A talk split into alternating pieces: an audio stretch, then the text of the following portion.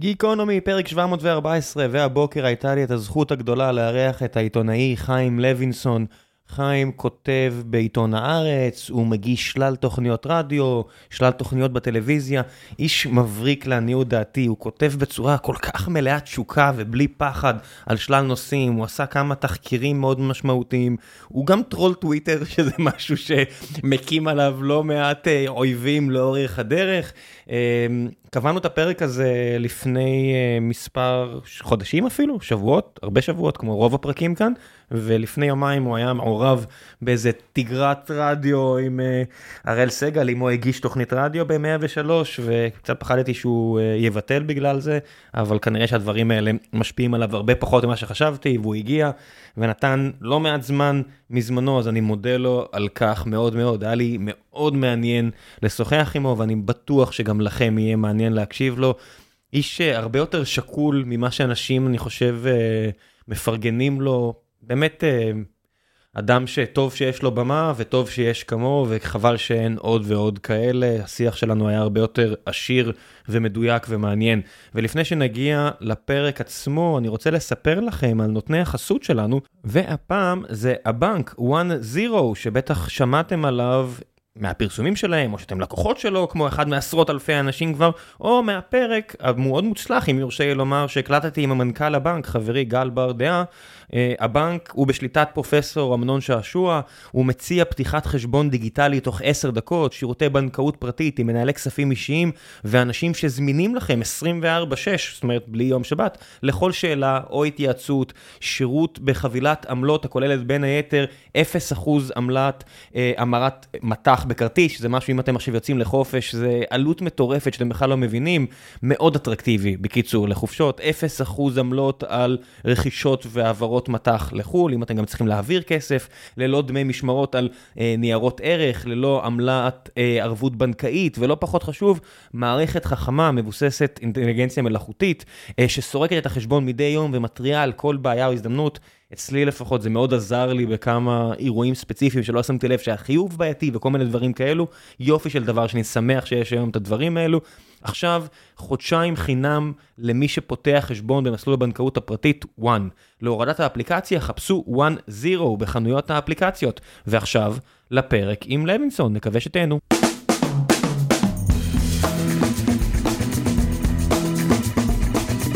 גיקונומי, פרק 714, והבוקר יש לי את הזכות הגדולה לארח את חיים לוינסון, עיתונאי הארץ. בוקר טוב. בוקר טוב, שלום. הרבה זמן לא היית בלי מיקרופון, אה? כן, יומיים. זה בטח יכול להימאס, אה?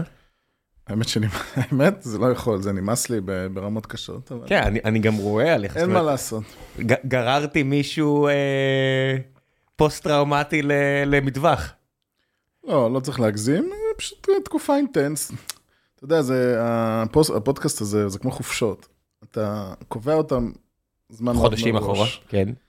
ושזה, אתה אומר, וואי, זה נחמד, זה, כן, ואז כשזה מתקרב, אתה רואה כמות הדברים שיש לך לעשות, וזה תקוע לך כמו עצם בגרון, ו... אני יודע.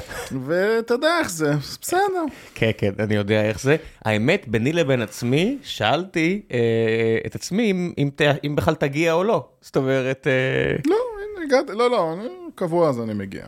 כן, אני, אני, אני מעריך את זה מאוד. איך עוברים עליך הימים האחרונים? הכנסת את עצמך ל shit storm גדול. למרות שאתה אוהב לעשות את זה, אבל הפעם נראה לי רגשית זה ממש גדול. כל הזמן יש shit storms גדולים, כן, בגלל הריב עם הראל סגל, האמת שאני דווקא מבסוט על הריב הזה, זאת אומרת, אני... איך אתה יכול להיות מבסוט על ריב כזה? זה, אתה יודע, זה בן אדם שאתה יושב איתו ככה בשעות, לריב בטח לא עושה לך רע? לא, קודם כל הריב לא עושה לי רע, לא, לא מפריע לי לריב. ו, ודבר שני, אני אגיד לך, לא, דבר אחד אני מתבאס באירוע הזה, שלא, נמאס לי ממנו פשוט איזו תקופה ארוכה.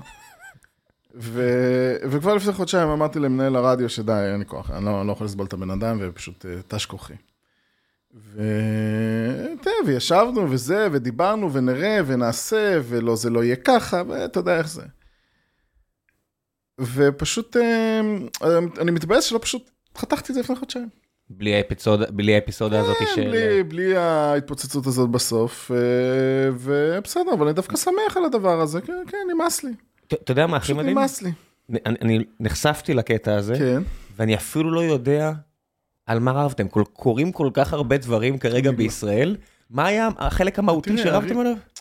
זאת אומרת, עלה- הבנתי שעלה בן אדם, עלה פיני פישלר, שהוא הגיש את התלונה בנושא המימד החמישי. כזכור, פרשת המימד החמישי, שחברה בראשותה של אה, בני גנץ, אה, ניסתה למכור למשטרה תוכנה שאין לה. פרשה שהתחילה מדוח מבקר המדינה.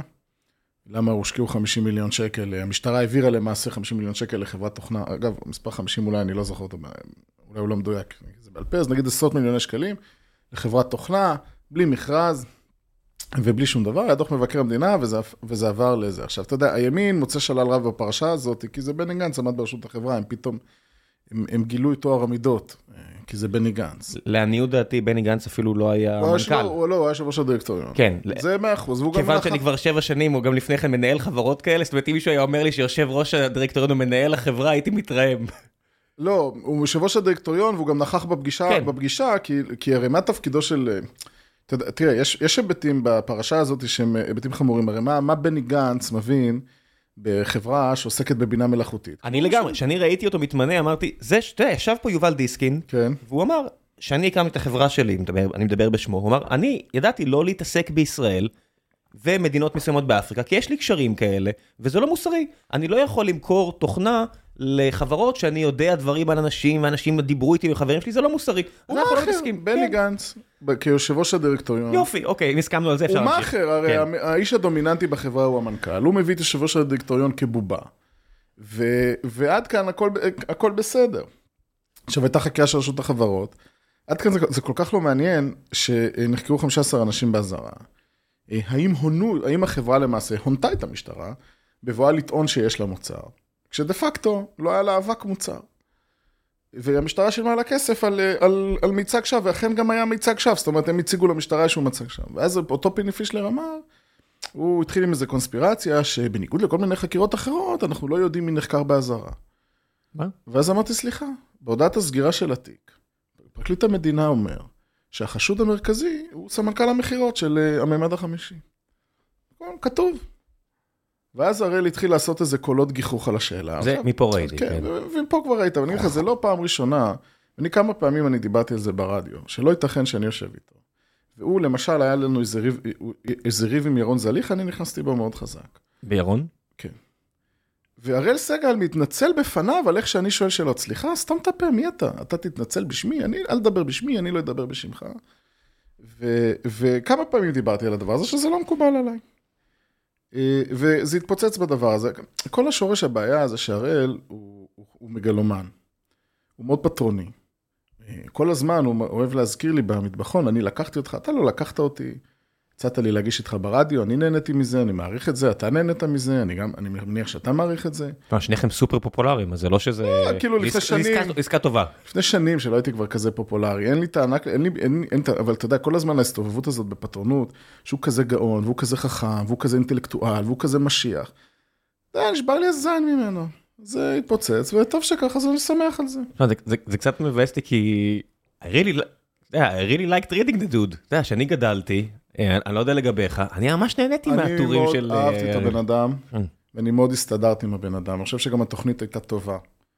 עד שהתחילו. חקירות נתניהו. כשהתחיל חקירות נתניהו, הסתובב לבן אדם בורג.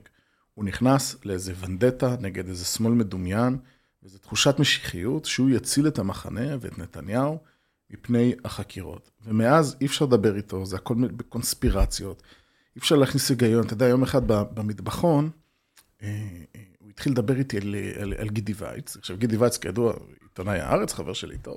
חוקר מדהים. כן, עיתונאי, הוא הרי, אה, אה, הוא לא חשף את תיק 4000, אלא אפשר להגיד, אפילו המציא את תיק 4000, זאת אומרת, הוא חיבר את כל הנקודות בתיק 4000.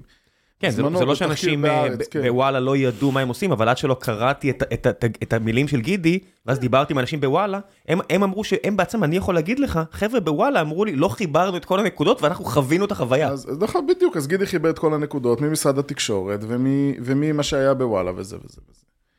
ואז הוא מתחיל, אתה יודע, בסדר, ואז הוא מתחיל להגיד לי, וגידי וייץ, ואבא של גידי וייץ, יחיאם וייץ, אה, הוא היסטוריון, והוא כתב משהו על הנכבה, ו... אה, מה, מה? אבא של גידי וייץ הוא היסטוריון יחיאם אוקיי. וייץ.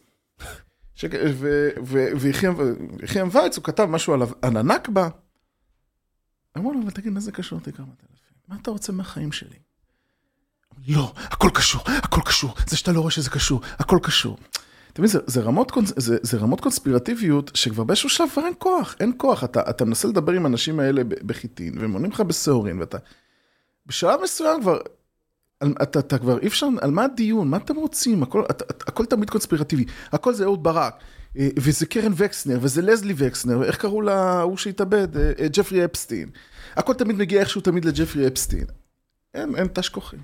אתה יודע מה מבאס? שבסופו של דבר, כמו שאמרת עכשיו על, על בני גנץ, שבעצם יש מילה שאני לא אוהב אותה, אבל בעצם מנרמלים התנהגות מסוימת, כי השיח גורר את כל המציאות למחוזות קונספירטיביים כן. ומחוזות קיצוניים של צעקות וצחוק, ואני אומר, יש פה דברים שאני מסתכל עליהם בתיקי נתניהו, אני אומר, אני לא יודע אם זה פלילי או לא פלילי, אבל זו התנהגות מסרוחה לכל הדעות. ואני רואה מה בני גנץ עשה, ואני אומר, אני לא יודע אם זה פלילי או לא פלילי, כי אני לא מבין את החוק, אני באמת לא משפטן, אני לא אומר את זה בצניעות מזויפת, אבל אני מסתכל על זה ואני אומר, כיזם, כמי שמבין מי עושה מה, אני אומר, וואלה, זו התנהגות מסרוחה לחלוטין. והייתי שמח אם אפשר פשוט לדבר על דברים כאלה, אבל המציאות לא מאפשרת את זה. כן, מניח שכשהכול אה, בתלמים של מחנות, אין, אין הרבה מה לעשות במלחמת חפירות כזו.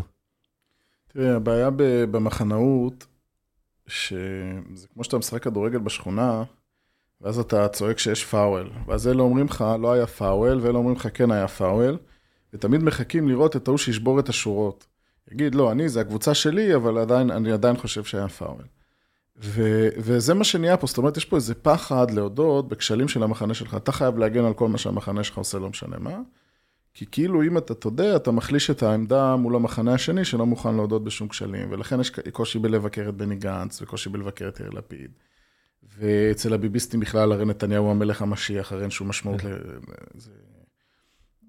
כמו שהיה בפרפרזה על טראמפ, שאם הוא יראה במישהו בשדרה החמישית... אז ישאלו מה מישהו זה עשה. כן, בדיוק, אז זה אותו דבר הזה גם ביבי. ובדבר הזה מאוד מאוד קשה לנהל דיון, כי אתה יודע, בתקופת... בני גנץ הוא, איך נגיד את זה בעברית צחה? הוא כלום. אתה יודע, אתה מדבר על רמטכ"ל, זה מדהים. אה, בסדר, נו, רמטכ"ל, תראה, עוד פעם. הוא אדם עם הרבה מזל.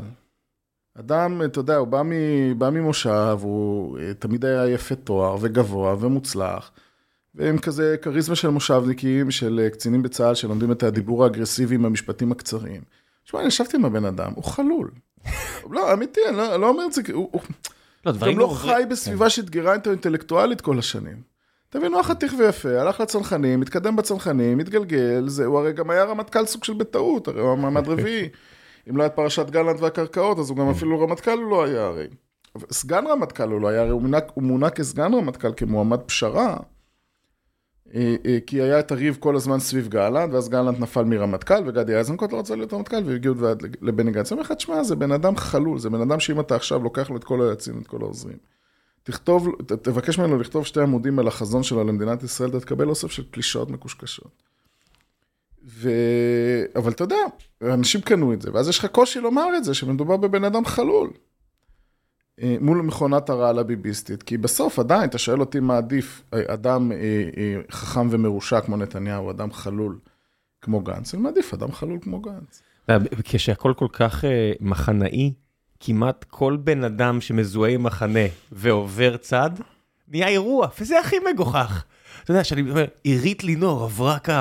אלדד יניב משחק בין שני הקווים, אני אומר, אני לא יכול, לא מעניין אותי, זה לא, זה לא נורמלי כמה אנחנו צונחים למדמנה של שטויות. נכון, יש, כן, זה, אתה יודע, אירועי החזרה בתשובה, כי כאילו, מי שבא מבחוץ, הוא יכול לראות את האור. אברי גלעד, עכשיו חוזר אחורה, ואני אומר, לא מעניין אותי מה אוקיי, הכיבוש הלך לאנשהו, הכיבוש זה, זאת אומרת, אה, פיגועים נעלמו, הכלכלה השתנתה, what the fuck אכפת לי מה אברי גלעד חושב. זה חלק מהטירוף, ההאחזות במישהו שהיה ימני ועכשיו אומר משהו רע על ביבי, כמו גדעון סער, ולהפך. כל השיח האידיאולוגי מאוד התשתש, אנחנו נמצאים בשיח מחנאי שמעלה את הקיצוניים. אגב, רואים את זה בכל העולם, זאת אומרת, המרכז מת, המרכז הפוליטי אה, כמעט מת. וזאת בעיה מאוד מאוד מאוד קשה. ועוד אתה, אתה יודע, אתה עיתונאי חוקר, אתה fucking חשפת כשלים בכור האטומי, ועכשיו אתה צריך להתעסק עם אלדד ואברי גלעד, כאילו זה... יש דברים אמיתיים שקורים פה. ואנחנו לא יכולים לצאת מהספיירל הזה של השטויות שרק הולך ומחריף. תראה, אני אגיד לך, אז... אה, מה זה, לא חשפת את זה לפני כמה שנים, זה לא 20 כן, לא. שנה אחורה. כשלים, פגמים. אבל אני אגיד לך משהו, אה, אני לא בטוח... יותר מ-1500 פגמים. 1547, אני לא בטוח שהכור האטומי הוא יותר חשוב מאלדד יניב. אני חושב, זאת אומרת, אני כן חושב שדברים חברתיים ודברים של שיח ודברים סוציולוגיים, הם כן מאוד מאוד חשובים ומשפיעים על חיי האנשים פה. לא פחות מהכור האטומי, כי אני חושב שזה גם קשור אחד בשני, זאת אומרת, איך נראה הממשל ולאן הוא מכוון, ואיפה התשומת לב שלו, ואיפה, ואיפה הקשב שלו. קח לדוגמה, למשל, עזוב את הכור האטומי. משהו הרבה יותר פשוט, סאגת הדרכונים. זה מדינה של שנתיים, אפשר להנפיק בדרכון. זה, זה כישלון בשירות הכי בסיסי של מדינה, הרי זה, זה, גם גובים ממך כסף, גם דופקים אותך בתורים. כל תעודה, דרך אגב, זה, אנחנו חושבים דרכונים, אבל תעודות זהות, כל שירות עם משרד הפנים, לקבוע תור למשרד הפנים, אי אפשר כבר שנתיים. אי אפשר, אי אפשר, אי אפשר לקבוע, תראה, תעודת זהות, אתה לא צריך כל הזמן. דרכונים, לפחות לילדים, תוקעים אותך שזה לכל חמש שנים, ולמבוגר כל עשר שנים, אז אתה נצטרך כן. לשירות הזה, תעודת זהות, אני לדעתי לא חידשתי 15 שנה, ואני לא רואה סיבה נראית בעין לחדש ב-20 שנה הקרובות. אבל כן, יש בעיה מאוד משמעותית עם משרד הפנים. עכשיו, אף אחד בממשלה, לא נשפט על הדבר הזה. הרי אני, אני, אם אני... לא נשפט פלילי, אה, נשפט לא, נשפט ציבורית, כן, בוודאי, כן, כן, ציבורית. כן, כן. חשוב להגיד את זה, אתה יודע, כי היום כן, דורשים... כן, כן, כמובן. אוקיי. למרות שאני לא יודע אם זה לא רשלנות פלילית כבר. אבל אני אומר, איילת שקד, שאת היית שרת הפנים, שבשיא משבר הדרכונים שנה וחצי, איך את בכלל מעיזה לצאת מהבית? באמת, איך את בכלל מעיזה לפתוח טוויטר ולצייץ את דעותייך על הרפורמה המשפטית ועל ההוא ועל הזה, שבתפקיד הכי בסדר, את, את כמו מכולת שאמור למכור חלב שאין בו חלב שנה. איך את מעיזה בכלל? כי אנחנו לא שופטים את הפוליטיקאים שלנו לפי הביצועים שלהם, וזה אגב, צריך גם לומר, לאורך כל המחנה, אני זוכר שאני הייתי בערב הבחירות, הזמינו אותי לשבת תרבות בגבעתיים, אני בדרך כלל לא הולך לשבתות תרבות, אבל זה היה חברה שלי, טל, אז הלכתי. והייתה שם מרב מיכאלי. טל שניידר? אה, טל שלו. אוקיי. והייתה שם אה, מרב מיכאלי, שהייתה שרת התחבורה. אתה יודע, בגבעתיים, מנומנם, היא ככה מדברת, פיוקים בקהל. ואז איזה מישהו צועק לה מהקהל, מה עם הנתיב תחבורה ציבורית בכצנלסון? ובתוך שנייה האולם נדלק. וההוא צועק על ההוא, ורן קוניק, ראש העיר, שגם היה שם, ואתה, והזה, ו... תשמע, זה בעיה אמיתית. למי שלא מכיר את גבעתיים, זה בעיה אמיתית. אז אני לא מכיר את גבעתיים, ואין לי מושג גם, אבל זה לא אכפת לי אם צריך נתיב תחבורה ציבורית בכצנלסון, אפילו לא יודע איפה זה כצנלסון. אבל שיהיה אכפת לי בשרת התחבורה. לא יודע, לא יודע, לא יודע, אבל אתה ראית שכאילו פתאום מתחילים לדבר על משהו שהוא בחיי האנשים, אתה רואה את רמת האמוציות והאנרגיות, כולם שם נדלקים, אז הגיע תורי לדבר, ואמרתי להם, תגידו רגע, אם מירי רגב הייתה פה, והייתה אומרת, אני ביומי הראשון לתפקיד, אני שם על זה ערבות בנקאית. אני מאשרת את הנתיב תחבורה ציבורית בכצנלסון. יש פה מישהו שיצביע ליכוד בגלל זה? לא. אז אתה מבין, אין אינסנטיב. הרי גם אם מירי רגב תהיה שרת התחבורה הכי טובה בהיסטוריה, שבמו ידיה היא תחפור את הרכבת הקלה, ועל גבה היא תישא את הקרונות, האם זה יגרום לאדם אחד כלשהו ממחנה השמאל לשקול להצביע ליכוד? שים לב, לא. שים לב, אני מרים את היד. אתה, אני, אני הצבעתי, אני הצבעתי לאדם שאני לא מוכן לארח בפודקאסט. אה, מר אביגדור ליברמן, אמרתי שעד שהוא לא יסביר לי מאיפה הכסף של הבת שלו, כיוון שאני יודע מה זה ייעוץ עסקי, אה, ולפעמים הייתי גם מתוגמל היטב על ייעוץ עסקי, כן. אף פעם לא הייתי מתוגמל מיליוני דולרים בגיל 21 היטב על ייעוץ עסקי. מפרגן לך. אה, לא, לא, לא, ממש, אני מסביר לך, זה ממש אני... אה, ממש מדהים, מדהים. זה, עזוב, אני לא אתן סכומים, אבל זה לא, בטח שלא המספרים האלה, אז אני מבין, ו... ואני לא מוכן, אלא אם כן אני מוכן להסביר, אבל אני מאוד אהבתי את מה שהוא עשה כשר אוצר, אה, ובלעתי הרבה אה, אמות מידה מוסריות, ואמרתי, כן, מבין אבל, המועמדים האפשריים, אני אלך איתו. אבל עדיין, לולא הוא היה, אם, אם הוא היה אומר, אני אקים ממשלה, אני אופציה לנתניהו, לא הייתה מצביע לו. כנראה שהייתי כי... חושב עוד פעם, אבל תקשיב, האכזבה שלי מהאנשים שכביכול במחנה שלי, על כן. תפיסות כלכליות והרבה דברים. כן, אבל אתה הצבעת בתוך המחנה בסוף. אתה הצבעת, הצבעה בתוך המחנה. לא היית חוצה מחנה, כי אנחנו כל כך עמוק בשיטת המחנות. אין שום, כמעט שום דבר מבחינה מקצועית שיעשה מישהו, הרי גם אם נתניהו יחסל את מחירי הדיור וייתן פה באמת דירה חינם לכל אה, יוצא צבא, דירת ארבעה חדרים בגבעתיים. אני חושב שכולם יצביעו לו. לא, אני לא חושב, אני לא, לא חושב, לא, אני לא חושב, אני לא חושב, כי זה, כל כך עמוק, זה כל כך מוטמע. ואז למרב מיכאלי אין אינסנטיב לשים את הנת"צ, עוד פעם, אני אין לי מושג בנת"צ בכצנלסון, זה לא מעניין אותי, אבל... לא לפי זה בסוף נקבע מי יצביע, ולכן אלדד ינביזציה הזאת של, של הציבוריות הישראלית ואיך מפרקים אותה, זה שאלה לא פחות מאשר אה, הכור בדימונה בעיניי. אבל אין פה באמת מח- מחנה אידיאולוגי, כמו ש... אתה יודע, זה- זה בן אדם אחד בן 74, אני חושב באוקטובר. שיש פה מחנה אידיאולוגי, זאת אומרת, אבל, אבל ליברמן הרבה יותר במחנה האידיאולוגי ההוא. כשאת אמרת לי המחנאות, המחנאות כרגע סביב גדעון סער וליברמן ואנשים אחרים, שהרבה אנשים כביכול מהמחנה השמאלי יצביעו להם, היא נטו על סוגיה אחת של ראש הממשלה וזהותו. אני לא חושב שזה ראש הממשלה על זהותו, כי זה לא נתניהו, זה לא רק נתניהו אישית, אלא זה גם נת- נתניהו פרסונלית. זאת אומרת, ואמות המידה כאילו. כן, זו הייתה אמירה של אלון מזרחי. אלא, אלא כל מה שהוא מביא איתו. אה, ומה מה הוא מביא איתו? הוא מביא איתו את לקיחתם של הגורמים השמרניים ביותר בחברה הישראלית והפיכתם לנותני הטון. הוא מביא איתו אנטי-ממסדיות. הרי אני חושב שמה ההבדל המרכזי בין מחנה הלא נתניהו למחנה נתניהו? זה שמחנה נתניהו התאגד סביב זה שצריך לפרק את המוסדות במדינת ישראל. הם שונאים את המוסדות, זה כמו, זה כמו מחנה טראמפ בארצות הברית, אז יש קצת הבדלים, כי אני לא בטוח שנתניהו אישית, כל כך, הוא, כאדם הוא כל כך אנטי-ממסדי. אבל אתה רואה את החבורה של האנשים סביבו. בית המשפט העליון צריך לפרק, נגיד בנק ישראל צריך לפרק, הצבא זה אוסף של הסתדרות גנרלים על בטח צריך לפרק. ההסתדרות, כבר- הוא פירק אותה בשנות ה-90. זה, אבל גם, כמובן, ועדים, זה האויב הישן.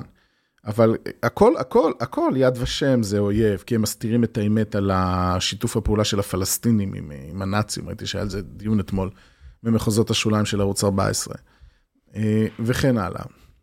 וזה זה הדבר המרכזי, זה מחנה אנטי-ממסדי. אתה רואה את יריב לוין, אתה, הרי יריב לוין לא, לא רוצה, זה לא שהוא רוצה לעשות איזה רפורמה בבית המשפט העליון, כמו שאני מדי פעם חוטף איזה חלסטה ורוצה לשפץ אה, חדר בבית. הוא, יש לו איזו שנאה עמוקה, יסודית מאוד, לכל הקונספט הזה של הממסד הזה של, של, של, של משפט, של בית משפט עליון, של זכויות אדם. כן, הם עוטפים את זה במילה פקיד. כל מי שלא כן, נבחר ציבור הוא פקיד, כל מה שפקיד זה לא טוב, אה, מטבעו. זה לא דמוקרטי. נכון, אתה יכול להגיד, הרי את הטיעון של אה, בית המשפט, שהיה פה מאיר רובין, שאלתי אותו, אה, מה לגבי אה, בנק ישראל? בנק ישראל הרי, לא, הוא לא, אתה לא בוחר בו כאזרח. האם יש לו אפשרות לבחור עצמאית את הריבית בשוק? האם יש לו אפשרות עצמאית להמליץ? אתה יודע, כמו היועץ לממשלה, זאת אומרת, הוא יכול להמליץ ובכוח להמליץ לממשלה, אז ברור שיש הבדלים, אל תיכנסו בי, יש הרבה הבדלים, אבל עדיין, עצם המלחמה בפקידות היא שורשית. נכון. עצמאות, אגב, עצמאות הבנק, הבנקים בכלל, הגלובלית, לא רק בנק ישראל, שהתקבעה ב- ב- בעשרות שנים האחרונות. אתה אתה רואה שהתנועות הפופוליסטיות בכל רחבי העולם הם יוצאים נגד הבנקים המרכזיים, כי הם רואים בזה איזשהו שלוחה גלובליסטית. אגב, זה התחיל משמאל בשנות ה-90 נגד הבנק העולמי, אתה זוכר את זה? כן. אה, וזה הפך, כאילו הפופוליזם הרי, האנטי הכל עבר מהשמאל, מהשוליים של השמאל. ה- לא יודע מה זה שמאל, ונצואלה זה שמאל? סוג של, כן, אבל נגיד, למה? כי הם אומרים שהם בעד העם, גם ארדואן אומר שהוא בעד העם, אז למה נכון. ארדואן זה ימין? כי כאילו סוציאליסט, שאלה מה ארדואן, זה שאלה, שאלה, נכון, מה. זה אורבן? אורבן זה ימין? למה זה כלכלה כל כך חופשית שם? זה... לא. זה לא, זה קלפטוקרטיה. זה זהו, לא- אתה מבין, מי- מי מבין הממשלה, מילא, אני אומר, מילא אם הממשלה הימנית במדינת ישראל הייתה באמת עם ערכים ימניים כלכליים, אבל הם לא, הם לא. כלכלי ודאי, בישראל מעולם לא היה ימין ושמאל כלכלי, זה בולשיט. אבל אה, כאילו פה זה, בוא נגיד האלמנטים הלאומניים הם יותר ימניים, והאלמנטים לאומניים, הגלוב- כן. הגלובליסטים הם יותר שמאלניים. ואתה רואה שפה הפופוליזם נהיה אה, פופוליזם לאומני ואנטי ממסדי ודתי, וזה כן מה שמאפיין את מחנה נתניהו, וזה הבדל אידיאולוגי מאוד עמוק. אז במובן, תראה, נתניהו, אם אתה לוקח את זה בפרספקטיבה אה, יותר רחבה, כן, הרי החרדים היו פעם באמצע. הם היו יכולים ללכת פעם עם הימין ופעם עם השמאל, כמו שהם הלכו עם השמאל עם רבין, זיכרונו לברכה, הלכו... עם בן גוריון מלכתחילה. אה, כן, נדבר נגיד מהמהפך ב-77. היית זוכה לצורך העניין במספר המנדטים הגדול ביותר בקלפיות, זאת אומרת אם אתה ליכוד או עבודה, ואז אתה מקים ממשלה באמצעות החרדים, כי, כדי להשלים את ה-61, רבין קיבל 44 מנדטים אה, מול... אה, מדבר 92. כן, מול בגין, סליחה, מול אה, שמיר ב-92, אז הוא הקים עם החרדים, ברק הקים עם החרדים, והחרדים, אהוד אולמרט ישב עם אה, ש"ס, עם אלי ישי, האולטרה ימני, לא כזה מזמן. ומה שנתניהו הצליח לעשות, זה לקחת את החרדים מרובריקת האמצע והרובריקה הפוטנציאלית, ל- לימין העמוק, ולשם כך הוא היה מוכן לוותר על ליברמן. כי בסוף כשאתה מדבר על המחנה הלאומי, מה, מה, זה היה, שם היה קו השבר, זאת אומרת, בתוך המחנה הלאומי, שם יש קו שבר. בין ליברמן שהוא אולטרה חילוני ואולטרה ליברל כלכלי, לבין החרדים שהם סוציאליסטים ו... אתה יודע שזה יוצר גם שבר נורא גדול. אה, עם, אה, עם המצביעים שלו. יצא לי לדבר עם איזה חבר, חבר, חבר מהצבא, והוא היה, התפיסת העולם שלו הייתה סדורה בהרבה דברים, ועכשיו יש את המלחמה באוקראינה. והוא היה בטוח, אתה יודע, זה פוטין נגד הנאצים, ואז מגיעים עוד ידיעות, ועוד ידיעות, ועוד ידיעות. בשלב מסוים אתה כבר לא יכול להתכחש, והוא בדיסוננס קוגניטיבי מוחלט, וזה זולג גם למה שקורה בארץ מבחינת התפיסות. ולאנשים נורא קשה להחזיק את הדיסוננס הקוגניטיבי לכל מיני כיוונים. זה, זה מקביל לי מבחינתי לאנשים שהצביעו למרץ והעבודה הרבה מאוד שנים, ואז שומעים מה אנשים שם אומרים, אומרים, רגע, אבל אני, אני בכלל ימין כלכלי. אתה מבין? כאילו כולם, התלמים כבר לא מחזיקים מים. הכל, נכון, לא, אין, אין, אין, הרבה בשמאל, במרכאות, הם ימין כלכלי. יש עתיד היא מפל, מפלגה ניאו-ליברלית, ואני אגיד לך משהו, בסוף, בסוף, בסוף, עם ההבדלים, הניואנסים הקטנים האלה ואחרים בין המפלגות, בישראל אין באמת ויכוח כלכלי עמוק. יש פה, אה, אה, כל, איך, קרא לזה משה כחלון? אה, כלכלה חופשית ו, ו, ולעזור לעניים. זאת אומרת, אין לך פה איזה מועמד שרץ ואומר, אני אחתוך 10% מהמיסים, ומועמד אחר, חוץ מעמיר פרץ, שאמר את זה תקופה, אני אעלה עכשיו 5% ממס על, ה- על העשירים. באמריקה, כשאתה בחרת טראמפ ב-2016, אתה ידעת שהוא יחתוך מיסים. בצדק, לא בצדק, לא משנה, ידעת. פה אין לך, אין שיח כזה. בסוף הכ- הכלי המרכזי, המשמעותי, של עיצוב המדיניות הכלכלית, שזה בסופו של דבר המיסוי, אין לזה בישראל שום... עכשיו דיון. פעם ראשונה אף אחד היה- לא מעז לעלות, ואף אחד גם לא מעז לחתוך יותר מדי. עכשיו היה פעם אחת דיון על מס שאמור להכניס לקופה מיליארד שקלים, מס המשקאות, והדיון היה כל כך כאילו אמוציונלי, כי, כי, זה כיס, כי זה יד בכיס, כן? כן, אבל זה, אבל זה היה דיון, זה לא היה דיון כלכלי, זה, לא היה, זה היה דיון, אה, אתה יודע, חברתי. אבל אתה ראית האשמות, הטיעונים היו, אז, ת, אז שיהיה לכם פחות כסף, אתה יודע, אנשים אמרו, זה מיליארד שקל בשנה, אז תתחילו לחסוך, אז תורידו מתקציב הביטחון, ואני אומר, אוקיי, עכשיו תעשו את זה על קרנות השתלמות, עכשיו תדברו, ת, תגידו את זה על דברים אחרים, אתה מבין, יש לך פה, הדיונים מסתתרים בשוליים, הם מחכים להתפרץ, אני מרגיש. לא, אני דווקא לא הרגשתי שיש שם יותר מדי דיון כלכלי, האם למשפחה חרדית יותר פחות כסף, אלא על כמה המדינה צריכה להתערב. מה, פטרנליזם?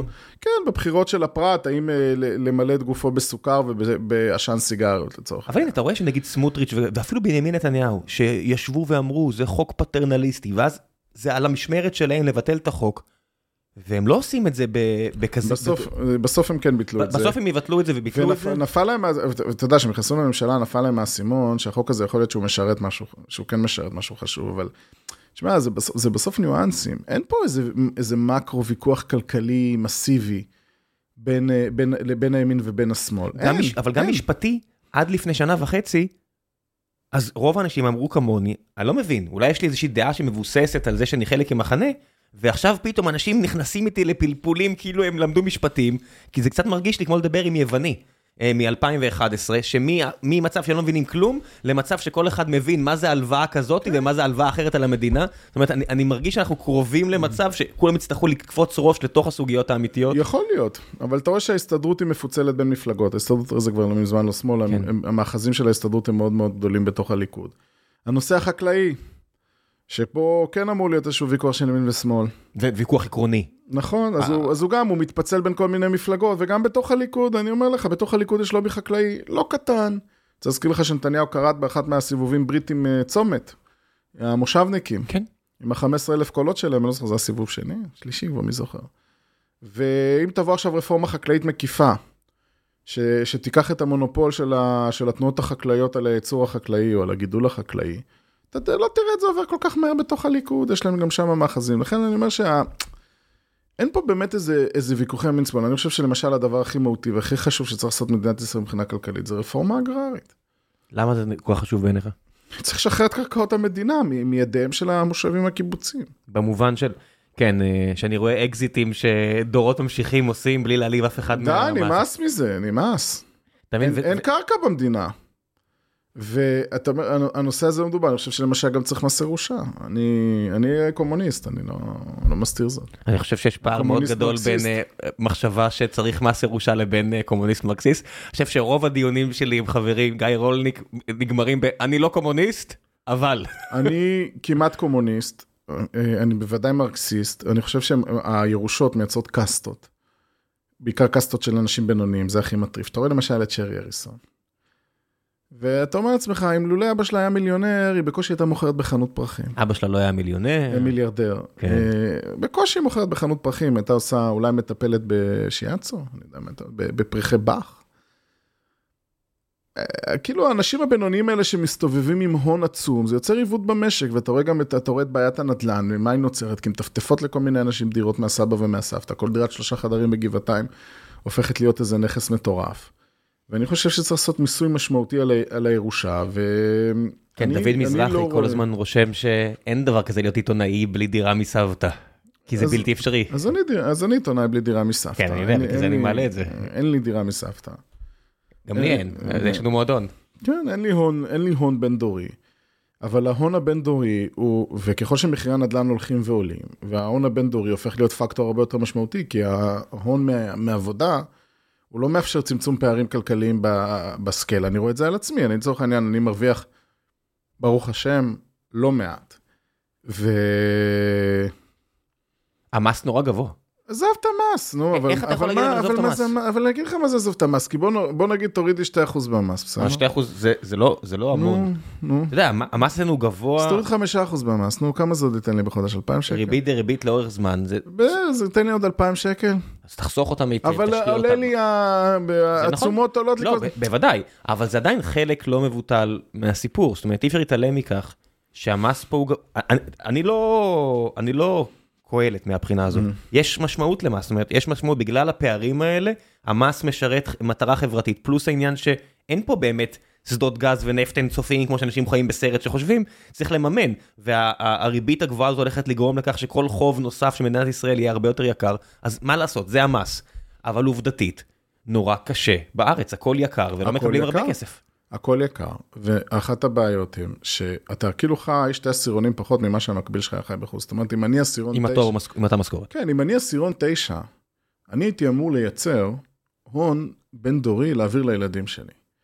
אבל בישראל אין, זה לא, אין שום חשיבות אם אתה מרוויח בחודש 50 או 60 אלף שקל. זה באופן אסטרטגי אין לזה חשיבות. ש, שיש לך את הבעיה הזאת של, ה, של מחירי דיור למשל, שהוא הנכס הבין דורי המרכזי שיש לרוב המוחלט של האנשים. שהמחיר שלו מתייקר משנה לשנה. אני רק אגיד... מי שיש לו כן. דירה מהסף, מי יותר עשיר? מי שמרוויח 50 אלף שקל ואין לו כסף מהורים, או מי שמרוויח 30 אלף שקל ויש לו, אתה- ויש אתה לו את הדירה שהולך כן. לרשת. חיים, אני רק רוצה להגיד שבמשכורות האלו, ההבדל פה, ואני מניח שהרבה מאזינים. להתר- אין לך יכולת לקפוץ מדרגה, אבל אתה גם לא מתרסק כמו הרוב המוחלט של האנשים. זאת אומרת, הרבה פעמים אני מנהל שיחות כאלה עם אנשים, נגיד, הרבה בתי, כי המשכורות טובות, הם אומרים, אין לי אפשרות לפרוץ קדימה. זאת אומרת, אתם לא מבינים שבגלל הבעיות של המדינה, הרוב המוחלט של האנשים לא חושב על לפרוץ קדימה. המים עולים מעל גובה ראשו, והם מנסים שיהיה להם חמצן, אני- ולמלא מהם אין חמצן. זאת אומרת, יש פה... נכון. הבעיה האמיתית היא שיש פה אנשים שקורסים לגמרי. אני לא מבין איך המעמד ביניים נמוך מצליח לספוג את ההתייקרויות. אני, אני נחשוף פה פרט אישי, אני, מה הציל אותי בגל ההתייקרויות האחרון? שהבן שלי סיים גן פרטי ב, בסוף השנה שעברה. אז כאילו פתאום, במקום לשלם 3,500 שקל בחודש על גן פרטי, 45 אלף בגן עירייה- שקל, התפנו לך. כן, גן עירייה, אני משלם 500 שקל, אז אני, כאילו, קיבלתי, קיבלתי העלאה במרכאות של 3,000 נטו. לא, כן, 30 שלושת- נטו. נטו. נטו. שזה כמו, כמו לקבל העלאה של 5,000 ברוטו. אז שהתחילו כל ההתייקרויות של המשכנתאות וזה, בדיוק התחלתי גם להכניס הרבה יותר כסף בגלל שהפסקתי לשלם על הבן שלי. כן. אז אני כאילו לא סופג את זה. או במרכאות, אני לא, אני לא בלחץ מאיפה לגייס כסף, כי הגעתי לאיזה רווחה כלכלית פתאום יותר. אבל אז לא נחשפת במקרה, אתה יודע, מה שעבר אבל לי, אני שואל את עצמי, כן. אם הייתי צריך להמשיך לשלם, או אם היה לך עוד שני ילדים. עוד ארבעה ולא שניים. ואם הייתי מרוויח הרבה פחות כסף, משפחה כן. אפילו שמרוויחה טוב, זאת אומרת שלצורך העניין מכניסים ביחד 30 ברוטו. שתי משכורות של 15, או 20 ו-10. זאת אומרת, זה באזור שזה אני 20 לא בטוח 20 כמה נטו. משפחות כאלה יש במדינת ישראל, אני? בכלל לא בטוח. אתה יכול לראות בסטטיסטיקה, כן. יש לך מעט מאוד, מה שאתה מאוד. אמרת זה עשירון שמונה, איך הם. חיים? איך הם חיים? אני לא מבין. איך הם סופגים פתאום עוד אלף שקל בחודש העלאות ריבית אה, על- על ה- על ה- על הלוואות לדיור? איך הם סופגים התייקרויות? אני חזרתי עכשיו ארצה, אה, אחרי שבועיים בספרד, והלכתי לסופ... אה, סליחה, באוסטריה. החוויה הקלאסית. כן, אחרי פסח, אתה יודע, לא, לא היה לי כל אוכל בבית, אה, כי לא הייתי בבית שבועיים, אז אתה יודע, הלכתי באותו יום, הלכתי לפירות וירקות, הלכתי לסופר, הלכתי לקצב, סתם קניתי קצת מכל דבר שלי בבית, 2,000 שקל, כאילו. ככה, 2,000 שקל, על כלום. כלום.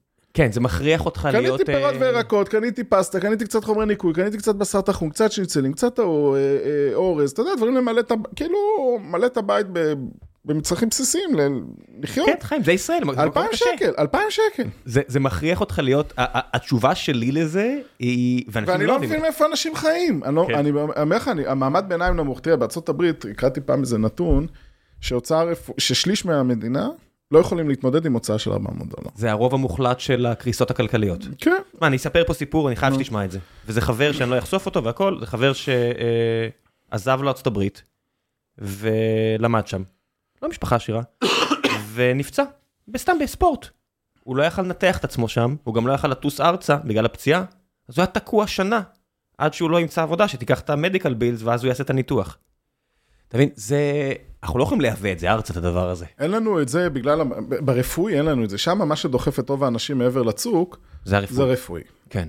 הפשיטות רגל בגלל הוצאות רפואיות. אבל אנחנו פה, זה לא ב... ב אני לא יודע אם נגיע למצב כמו בארצות הברית, ששליש מהאנשים יהיו פה בסכנת רגל, בפשיטת רגל בגלל הוצאה לא צפויה של 400 דולר, אבל אני חושב, אני לא רואה איך מעמד הביניים נמוך, מחזיק מעמד לאורך זמן, בכזה יוקר מחיה, ואתה יודע, הם מקצצים ומורידים וזה, אבל בסוף יש גבול. אני מדבר, לא, אני כבר לא מדבר איתך על לצאת, לפחות פה בתל אביב, שזה נהיה כבר... כמעט בלתי אפשרי. זה, יש בזה משהו פשוט מבאס, כאילו... זה הורס את החוויה. כן, יש לי את הכסף לשלם, אבל כשאתה בא לסושייה, ואתה רואה שרול סלמון אבוקדו עולה לך 70 שקל. אז אתה כאילו מזמין שתיים, ואז אתה אומר, כאילו, מה, מה, עכשיו, מה קרה פה? ועם הזה, כאילו, אתה אומר, כאילו, מה, שמתי עכשיו 50-60 דולר על מה? על מה? יש, כאילו, זה, יש בזה משהו מבאס. כן, זה גם, זה גם, זה גם אה, עושה השפעה. עכשיו, אה, וגם אין לי כעס על. בעל המסעדה, כאילו, כי הכל כי יקר הוא- לו. כי הוא נאנק כמוני. בוודאי. אני אני רואה לא, ש... לא כולם, אבל כן. לא, תשמע, גם הוא, הרי סלמון, כשאתה קונה אותו אצל הדייג, אני זוכר עד לפני שנה, אני, אתה יודע מה, אולי שנתיים. היה עולה לי 85 שקל ביפו אצל הדייג שלי. הדייג שלי, הדייג שאני קונה ממנו. היום זה עולה 120, עכשיו, כן. הוא לא דופק אותי. הדברים התייקרו. הוא התייקר לו, ואני בטוח שגם לא נעים לו לעלות, כדי שהלקוח לא ירגיש, אז הוא מנסה לספוג טיפה פה, ומנסה לספוג טיפה. הב- הבעל לבית קפה שהעלה לי את המחיר ל-15 שקל להפוך קטן, אני לא חושב שהוא מרוויח יותר כסף ממה שהוא הרוויח לפני שנתיים, הוא כמוני, הוא נלחם, הוא מעמד ביניים כמוני. כן. נלחם על, כל, על, על הפרנסה שלו, אין לי כעס עליו, אנשים נורא כועסים על בעלי מסעדות וזה. אני לא, אני, אני לא כועס עליהם. אתה יודע מה מדהים פה? בסוף את הכוס, יש להם כוס אמיתי, זה לא. דבר, דברים אחרים. חיים, כמו עם- כמו-. כמו עם בני גנץ ועם הכל, אתה יודע, בסוף אני, אה, מסיבותיי שלו, מסיבותיי שלי, מאוד מאוד מחושב כלכלית, ו- ובאמת כל שקל במשפחה, ואז זה עוזר לי להסתדר עם הכל, ידה ידה ידה. ולעומת, אה, יש לנו פה עובדים מ-30 מדינות שונות, אני מדבר איתם איך זה שונה במקומות אחרים, כמו קנדה או ארצות הברית, זאת אומרת, מהרכב שאתה יכול להרשות לעצמך, ואיך אתה אה, יוצא לחופשות, וידה ידה ידה. ואתה יודע על מה אני לא חושב כשאתה סופר כל שקל, אבל ליטרלי בודק על מה אתה מוציא, על האיכות של מה אתה מקבל. והדבר שאני יכול להגיד לך ששובר את כל האנשים סביבי, שזה בדיוק השלב שאתה נמצא בו, זה השלב שהילדים מגיעים לגן הציבורי, ואז לכיתה א', והאיכות של מה אתה מקבל, היא מזעזעת. תראה, פה יש לי מתח- מחלוקת איתך. אני חי בתל אביב, אז יכול להיות שזה חוויה שלא משקפת. אני גם חי בתל אביב, אני אומר את זה על תל אביב. אני בתל אביב ביחס לחבריי בישראל.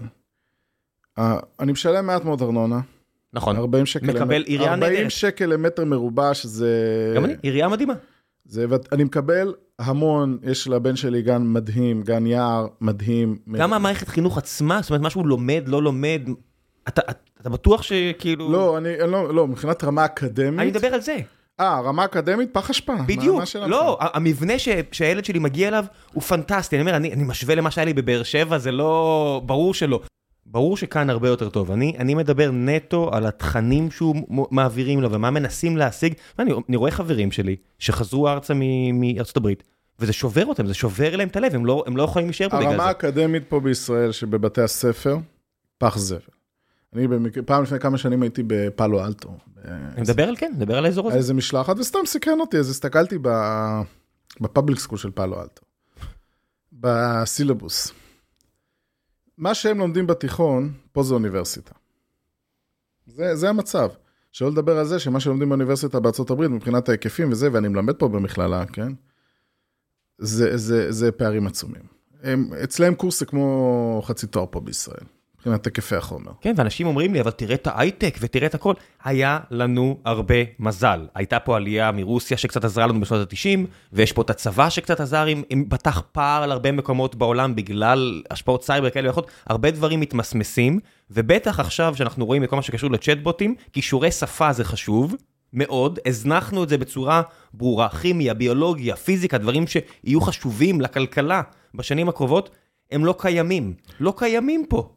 וזה מטריף אותי איך אנשים לא, לא מתעסקים במערכת החינוך, אני כאילו. אגיד לך, אני לא בהייטק, ואני מסתכל על הייטק מסביב, אבל ממה שאני רואה, ההצלחה הישראלית בהייטק היא הצלחה יזמית.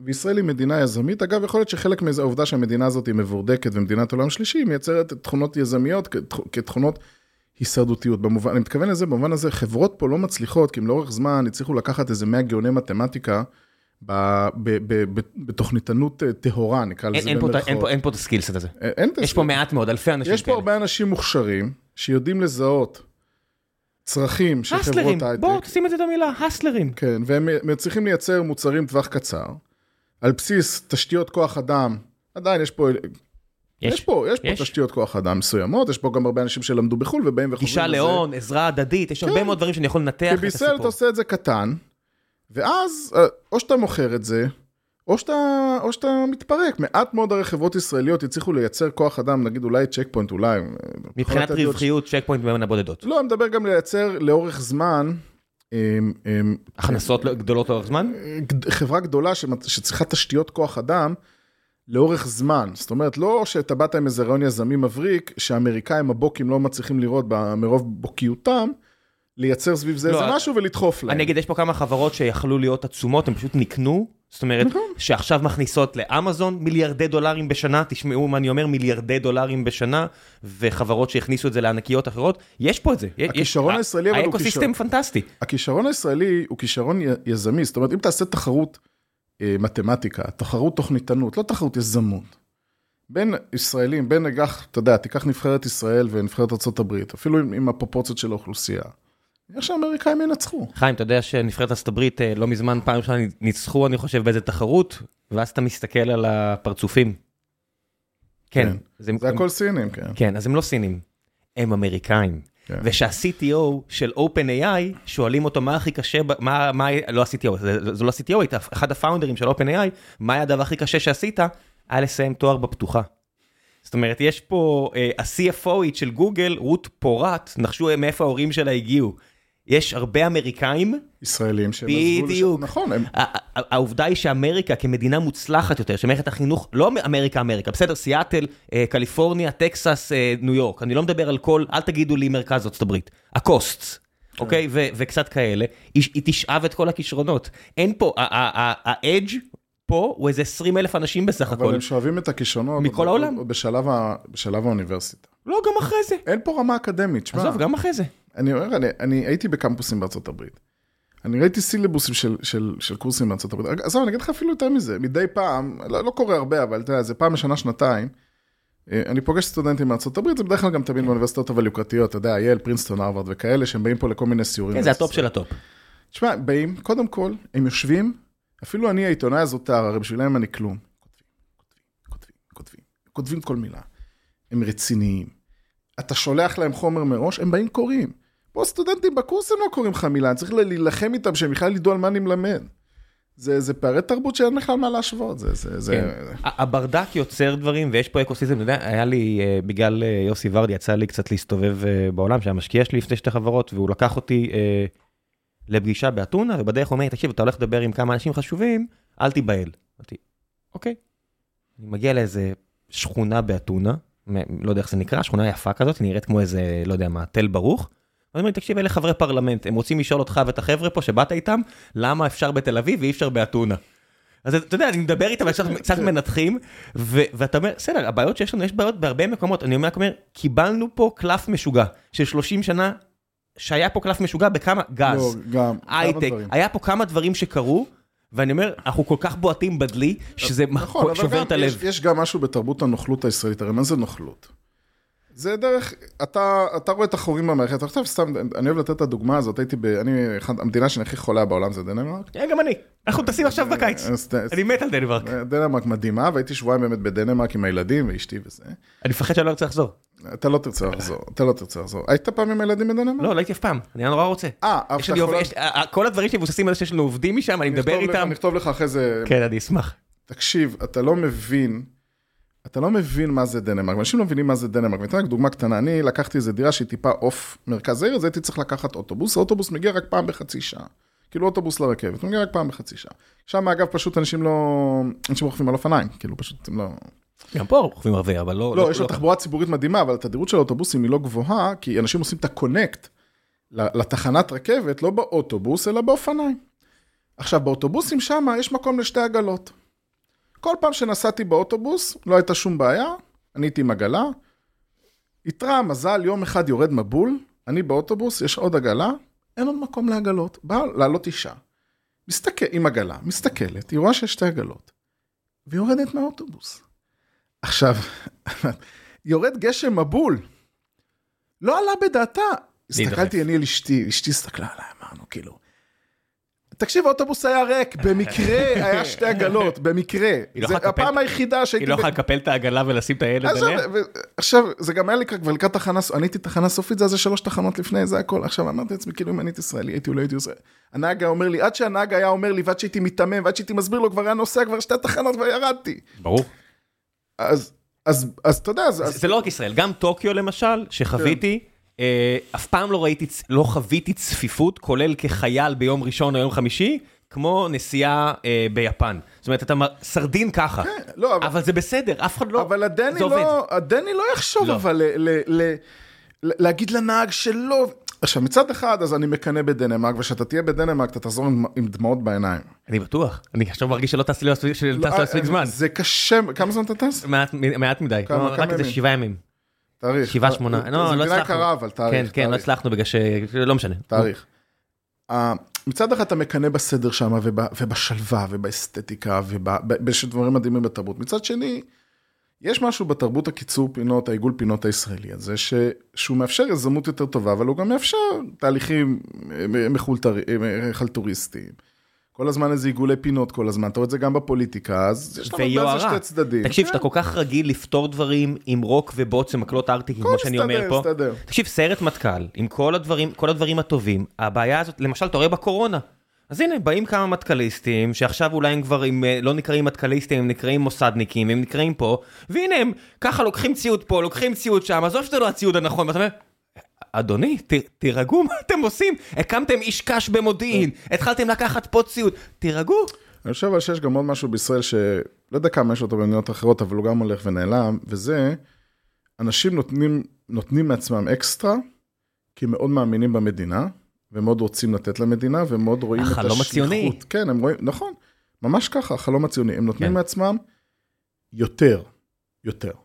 וזה אני לא יודע לאורך זמן אם הביביזם הזה יימשך, אם הלכידות החברתית הזאת תאפשר את זה. זאת אומרת, אתה יודע, יש אנשים הניידים, הרופאים וכולי, אני לא יודע כמה זמן, לאורך זמן זה... אנחנו עכשיו הטל- בהתרסקות על הדבר הזה.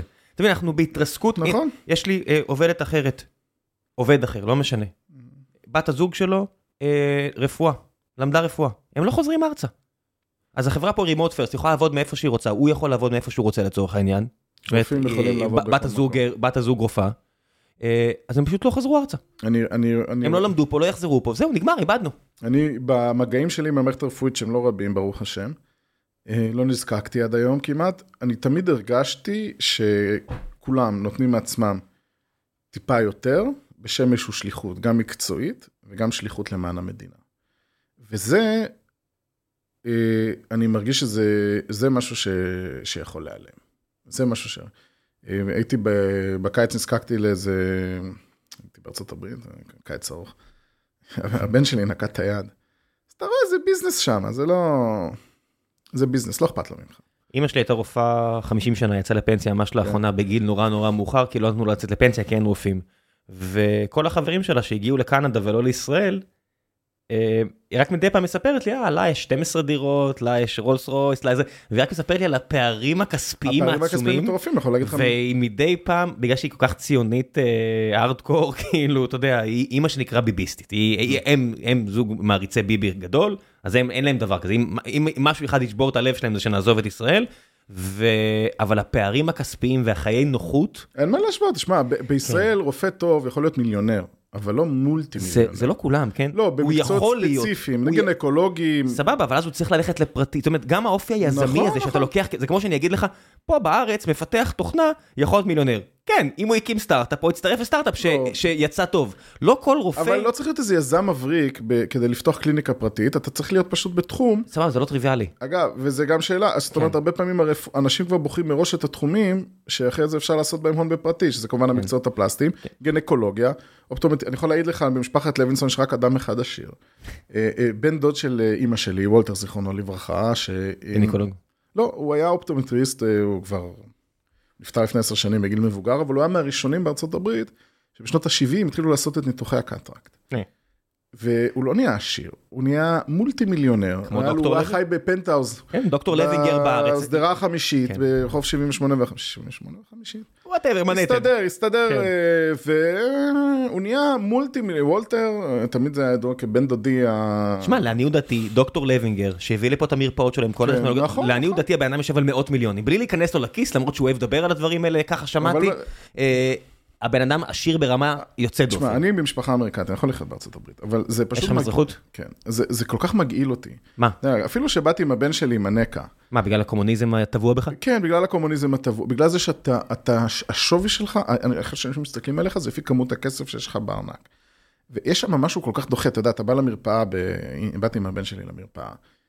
דבר ראשון, האינשורנס. עשיתי ביטוח רפואי מהארץ, אז הכל בסדר, ולא לא היה צריך לעשות שום דבר, אבל אתה רואה את ההבדל שמתייחסים אליך. מהרגע שהם ראו שיש לך את האינשורנס, וזה עבר במחשב והכל בסדר, לבין לפני כן. אה, השנייה לפני כן, אבל מהרגע שיש לך את האינשורנס, על, על, סתם איזה נקע מצ'וקמק, כן? חדר פרטי, שתי רופאים, רופא כזה, רופא ההוא, הרנטגן, נגיע תוך דקה, 50 דקות, שתי רופאים, רנטגן, אין, אאוט. עכשיו זה עלה לחברת הביטוח, עשרות אלפים. אה, לא, 3,000 דולר. לא. אז- אז- אבל על מה? על נקע. על נקע לילד. אתה יודע שהם מנפחים, אתה- הם מנפחים, הם מנפחים. ברור, אתה אתה רואה שהם מנפחים, בוודאי, אכפת לי גם שינפחו כמה שהם רוצים, אה? זה- לך לא אכפת, זה אבל בעיה שלי. אבל אתה מסתכל שם, ההוצאה שם על, על, על הבריאות היא כפולה מכל מדינה אחרת במקבילות שלה, ב-OCD. אה, 19 אחוז מהתל"ג המטורף הזה הולך לבריאות, כי הם מנפחים. לא, זה- הכל שם מנופח ומטופש. זה נורא, זה מה שהולך שם במערכת, אבל זה נגיד לך, זה לא רק במערכת הרפואית, לפני איזה חמש שנים הייתי גם בארצות הברית, הייתי איזה יום, איזה יום חורפי אחד, איזה יום חורפי של פברואר, שהיה קפוא, קפוא, קפוא, קפוא, קפוא. עכשיו כמו איזה תייר מטומטם, נסעתי במונית וראיתי איזה פרסומת לקרודונט. זה קרוסון ודונט, יש איזה דומיניק אנסל, יש איזה שף תגיד, ידוע. אתה- אתה רץ כל היום בשביל לאכול קרודונטים? קודם כל, אז לא רצתי, זה היה בתקופה שהפסקתי, זה היה ב-2018, אבל לא חשוב, אוקיי. אני ראיתי את הפרסומת של הקרודונט, אמרתי, אז זה היה נראה לי טעים, אמרתי, יאללה, אני אהיה תייר, אני אלך ואני אטעם את הקרודונט. ועכשיו הם הזהירו אבל, ש- כאילו היה שם כתבה ותורים, הרי זה הכל עם תורים, אז יש תור מאוד גדול, אז תבוא מוקדם, זה, נפתח בתשע, ראיתי בספרינג סטריט, נפתח בתשע, אז הגעתי איזה חמישה לתשע, עכשיו, היה לי קפוא, כי היה איזה מינוס עשר, אין לי מעיל למינוס עשר, אני גר בתל אביב, אתה. יודע, יש לי מעיל, כאילו, כן. בסדר, מעיל. אני מגיע שם, וקפוא לי. ועכשיו, איזה שתי דקות לפני המועד, יוצאת איזה מוכרת עם איזה, אני הייתי היחיד בתור, עם איזה כוסית אה, chocolate latte כזה, כאילו לחמם את האנשים שבחוץ. ואז אני אומר לה, can I go in? We are opening only at 9 o'clock. ואז אני אומר לה, but I'm freezing, can I go in? אז, אז היא כאילו, היא כאילו מסתכלת עליי, כאילו מי אתה בכלל, כאילו שאתה מעלה על דעתך, אתה אומר, "זה למה אתה לא- למה אתה לא 8:58." שומע תשע? חכה שתי דקות, נכנס, Good morning sir, how you doing? כזה. הפער הזה, כאילו, מבחינתה הייתי יכול למות על המדרכה עד שתי דקות לתשע, זה פשוט לא עניין אותה.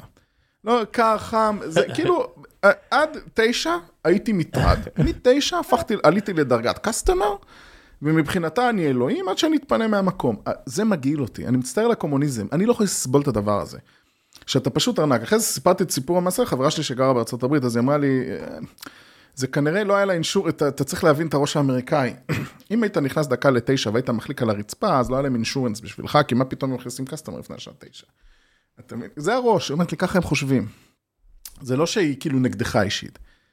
אבל גם, אתה יודע, הסתכלות עליך כעל אה, פוטנציאל תאונת ביטוח בכל רגע נתון, שזה גם משהו שמאוד מוטבע בתרבות. אני לא יכול לחיות, החברה שלי הזאת סיפרה לי שההלם תרבות הכי גדול שהיה לה שעברה לארה"ב בגלל ההייטק, זה שהיא הלכה למסיבת יום הולדת של חבר מהכיתה של הבן שלה, והייתה צריכה לחתום בכניסה ל waiver, כן. שאם הוא מחליק במסיבת יום הולדת, אז זה עליה ולא על בעל הבית. עכשיו, אתה מבין שה waiver הזה נולד, בד... נכתב בדם, כי כנראה הוא- הוא היה... לא נכתב בדם, הוא נכתב בכסף. כן, מישהו החליק במסיבת יום ההולדת של, אה, של החבר של הבן שלו במדרגות האמריקאיות שם, ו- וטבע, ואז עורכי הדין אומרים. אמרתי לה, אני, אני במקום, הייתי מסתובב, אומר לה, לא תודה אדוני, לא, והולך. אתה לא היית עושה את זה. הייתי הול- הולך במקום. מה הולך עם אתה הילדים שלך? מזמין אותי אני- אליך אני הביתה ואתה מחתים אותי על וייבר, שאם אני נופל אצלך בבית, אז אני לא אתבע אותך?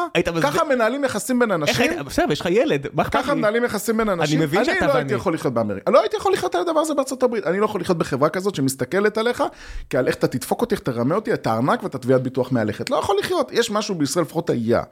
איזה משהו יותר לא אנושי? ויותר קולגיאלי בין אנשים פה. אני בארצות, רמות הגועל האלה בארצות הברית, זה, אני, תמיד יש את הקלישאה, תיפול ברחוב. אמריקה. כן, אז אה, אני לא אוקיי. יודע באמריקה, אבל יצא לי אגב, איפה? באמריקה. יצא לי למעוד בריצה בדנמרק, ובקופנהגן, ודווקא הרבה אנשים עצרו. כן, אבל זה-. אבל דנמרק וקנדה זה באמת מדינות מאוד נחמדות, אתה יודע. רוב העולם כן. לא נחמד. אני, אתה- אתה במקרה בחרת פה את המדינה הכי מוצלחת בעולם. אני התרשמתי מהדנים שהם מאוד בשלהם, זאת אומרת, יש להם כבוד למרחב פרטי, מאוד בשל... לא מתערבים לך, אתה לא מתערב להם. ו... אבל אה, סתם, במבחן המעידה ברחוב, כי פשוט יצא לי, לצערי, אה, עלה לי באיזה מתיחה בערך האחורי, אה, אנשים היו סבבה. מתי התחלת לרוץ? תכף נעבור לשלב של מן הקהל, מבטיח. זה השלב אה, האחרון. זה השלב, הש... שלב, התחלתי לרוץ. רצתי תקופה ב-2011, 12, 13. לא, אני אגיד לך למה אני שואל. גדלת כילד חרדי, נכון? נכון. אה, לא רצתי אז. אה, ברור שלא, כי הרוב המוחלט של חרדים לא לא עוסקים בספורט. נכון. ואז אה, כשאתה מתחיל אה, לעשות פעילות ספורטיבית בגיל מאוחר, בלי שהשרירים שלך והעצמות שלך גדלו כהלכה, זה הרבה יותר קשה. וזה מצריך הרבה מאוד תעצומות נפש שאני מאוד מעריך. אה, אני אומר את זה בשיא הרצינות, אנשים חושבים שאני צוחק, אני לא צוחק. איך זה היה? איך החוויה שלך הייתה? זאת אומרת, הכל כאב לך בטח, הכל היה קשה. היה לך- שברי מאמץ אפילו, אני מניח, אם אני חייב להמר? לא? אני נמנעת מזה? לא הייתי ספורטיבי במיוחד כנער. זה- מה שמוביל לכל הבעיות אני שלי. מאוד אהבתי לשחק כדורגל וכדורסל. כן בשכונה. לשחק כדורגל וכדורסל. הבנתי, אז זה סוגר את הפינה. מאוד. מאוד אהבתי לשחק כדורגל וכדורסל. אז זה סוגר את הפינה, לא. אז, אה, אתה נמנע מכל הדברים שאני מדבר עליהם. אני- אני פשוט רואה חרדים שהפער שנבנה אצלם, אתלטיות, לימודי ליבה, אצל גברים חרדים. הוא עצום מהחוויה האחרת. זאת אומרת, אני לא מכיר תלמוד, אבל מה שנלקח מהם הוא עצום בעיניי. אצל הרבה מהם. תשמע, זה עולם אחר. זה עולם אחר. אתה לא יכול לשפוט עולם אחר. אני לא שופט, אני, אני אמפתי. אתה יודע, יגידו לך, או אה, אנשים שגדלים ב- בכפר וביער, איך אתה חי בכלובים האלה פה בתל הם אביב. אומרים לי. כן, אתה יודע, הם אומרים לי. נכון. בגלל זה זה מעניין אותי, אבל אז כל אחד בתרבות שלו. אתה מתגעגע לחלק מהתרבות הזו? לא, לא. לא. תסביר. בדבר אחד אולי כן, אתה יודע, הדגש על, על אינטלקטואליות.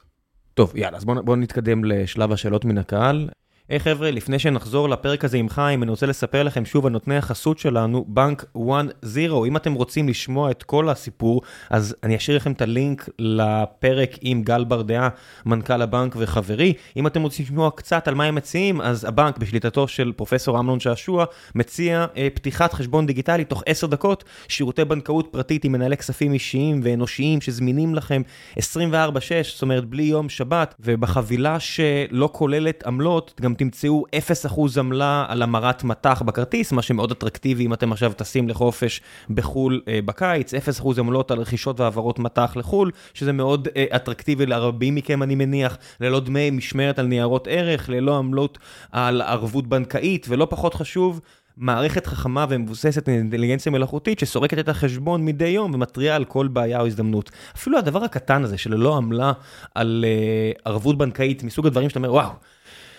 כמה כסף אתם, יוציא אם יקרה משהו, ועכשיו גם לוקחים ממני כסף, על מה? רק על זה שאתם שומרים לי על הכסף? מסוג הדברים שגם מישהו כמוני שעבד במערכת הבנקאות לא תמיד מצליח ליישב בדעתו. אז הנה, טוב שיש מקום שמעשה את זה עם אפס, עם אפס עמלה, אה, אפס אחוז עמלה, ועכשיו גם יש חודשיים חינם לפותחים חשבון במסלול הבנקאות הפרטית one. להורדת האפליקציה, חפשו one zero בחנויות האפליקציות. ועכשיו, בחזרה לפרק, מקווה שאתם נהנים. עופר מושייוף שואל, למה מאז אהוד ברק אין לשמאל מרכז אף מנהיג בעל שיעור קומה? מאיפה נוצר הוואקום הזה? קודם כל, גם אין לימין מנהיג בעל שיעור קומה, למעט אחד. זאת אומרת, נתניהו יש לו איזה משקל אינטלקטואלי ומנהיגותי וכריזמטי מאוד משמעותי, אבל תוציא את נתניהו, בסדר? אם מחר הוא החליט לצאת לפנסיה ולעבור ל... איפה הוא אוהב לבלות שם? בהוואי, באיש שם בהוואי. מי, מי, מי האיש שהחליף אותו?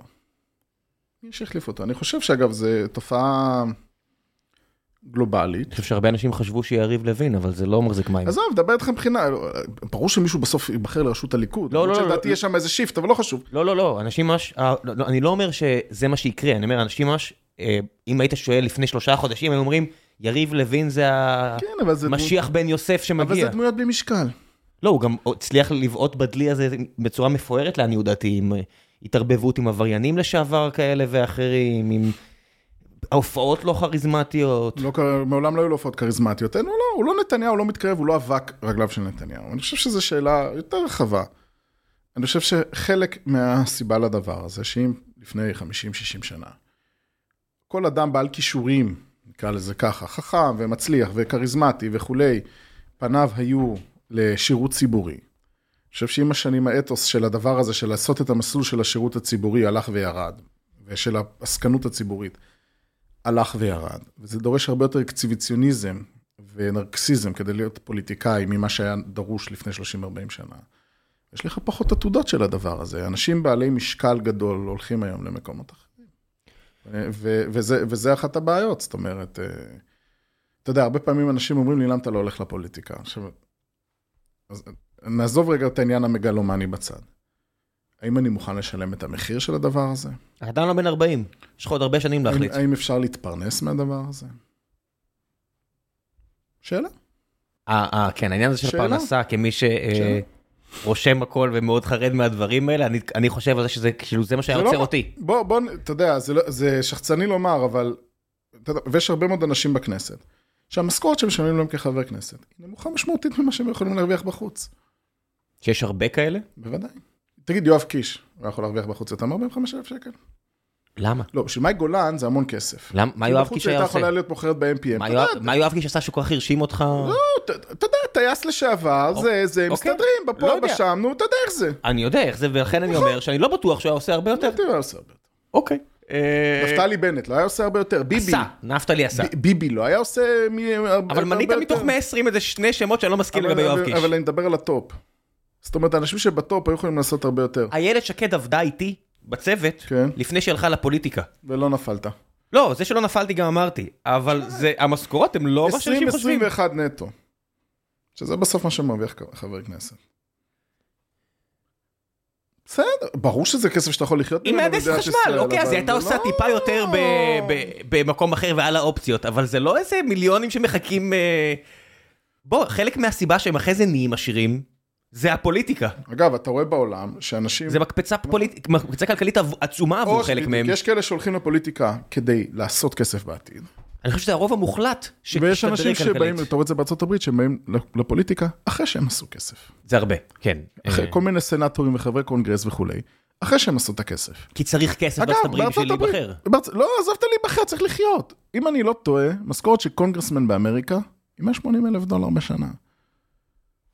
היי גוגל, what is the salary of congressman in the United States? תצמיד למיקרופון. 174 אלף. עכשיו בחייאת דינק. אתה יודע שיש לי חברים שמשלמים... ב-DC, אתה יכול לחיות מ-174 אלף בשנה? עובדתית הרוב חיים, לא בשכונות שאתה ואני היינו רוצים לחיות בהן. אבל זה חלק מהעניין, מה, אתה קונגרסמן, אז תיקח שם ב slums בסוף דירת שתי חדר מעל הפאב בשלושת אלפים. שמע, אני מכיר אנשים שמשלמים רק על ארבעה ילדים במערכת חינוך, יותר מ-120 אלף דולר בארצות הברית על, על, על ה-private schools. או אנשים שעברו לגור במקומות כמו ניו ג'רזי, שאתה משלם הרבה state tax, אבל אתה מקבל מערכת חינוך ציבורית יותר טובה. בסדר, אבל אומר, 170 אבל הם לא ירצו, כן. 174 אלף דולר בארצות הברית, ב-DC, זה לא הרבה כסף בכלל. לא, לא. זה בטח שלא. בקליפור- בטח שלא בקליפורניה. עכשיו, אתה יודע, הקונגרסמן הרי הוא לא חי ב-DC, הוא חי גם וגם.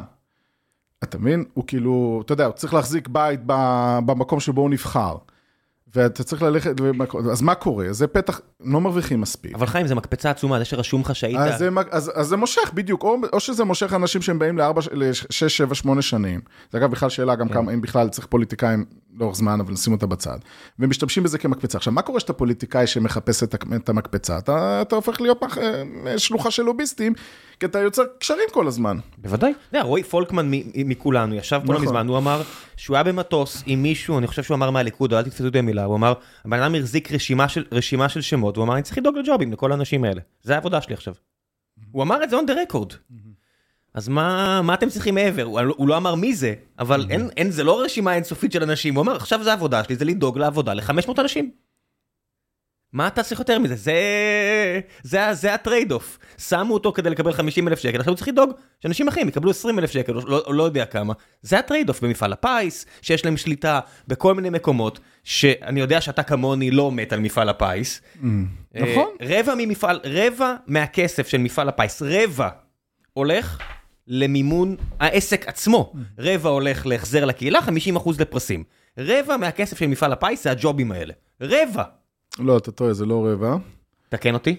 תראה, מפעל הפיס אה, בגלל זה מחזיר, טוב שאני מביא עיתונאי. מחזיר פרסים באזור שני שליש. שני שליש, לא 50 אחוז? לא, לא. תודה על. התיקון. מחזיר, לא, במנויי פיס הוא מחזיר 50 אחוז. אוקיי. במוצרי פיס הליבה, בחישגד, אה, צ'אנס, 60 ו... זה בין 66 אחוז ל-70 אחוז. אגב, הוא חייב, כאילו זה בתקנות, זאת כן, כן, אומרת, אין. פה... כן. ואז אין פה 15-15? זה. ואז יש לך על זה קוסט, אה, יש לך קוסט תפעולי של אזור המיליארד. עכשיו, אז מיליארד מתוך 9 מיליארד, אז כמה זה באחוזים? אה, באזור 13, 14. אחוז? זה הקוסט התפעולי שלו, והיתר לפרסים.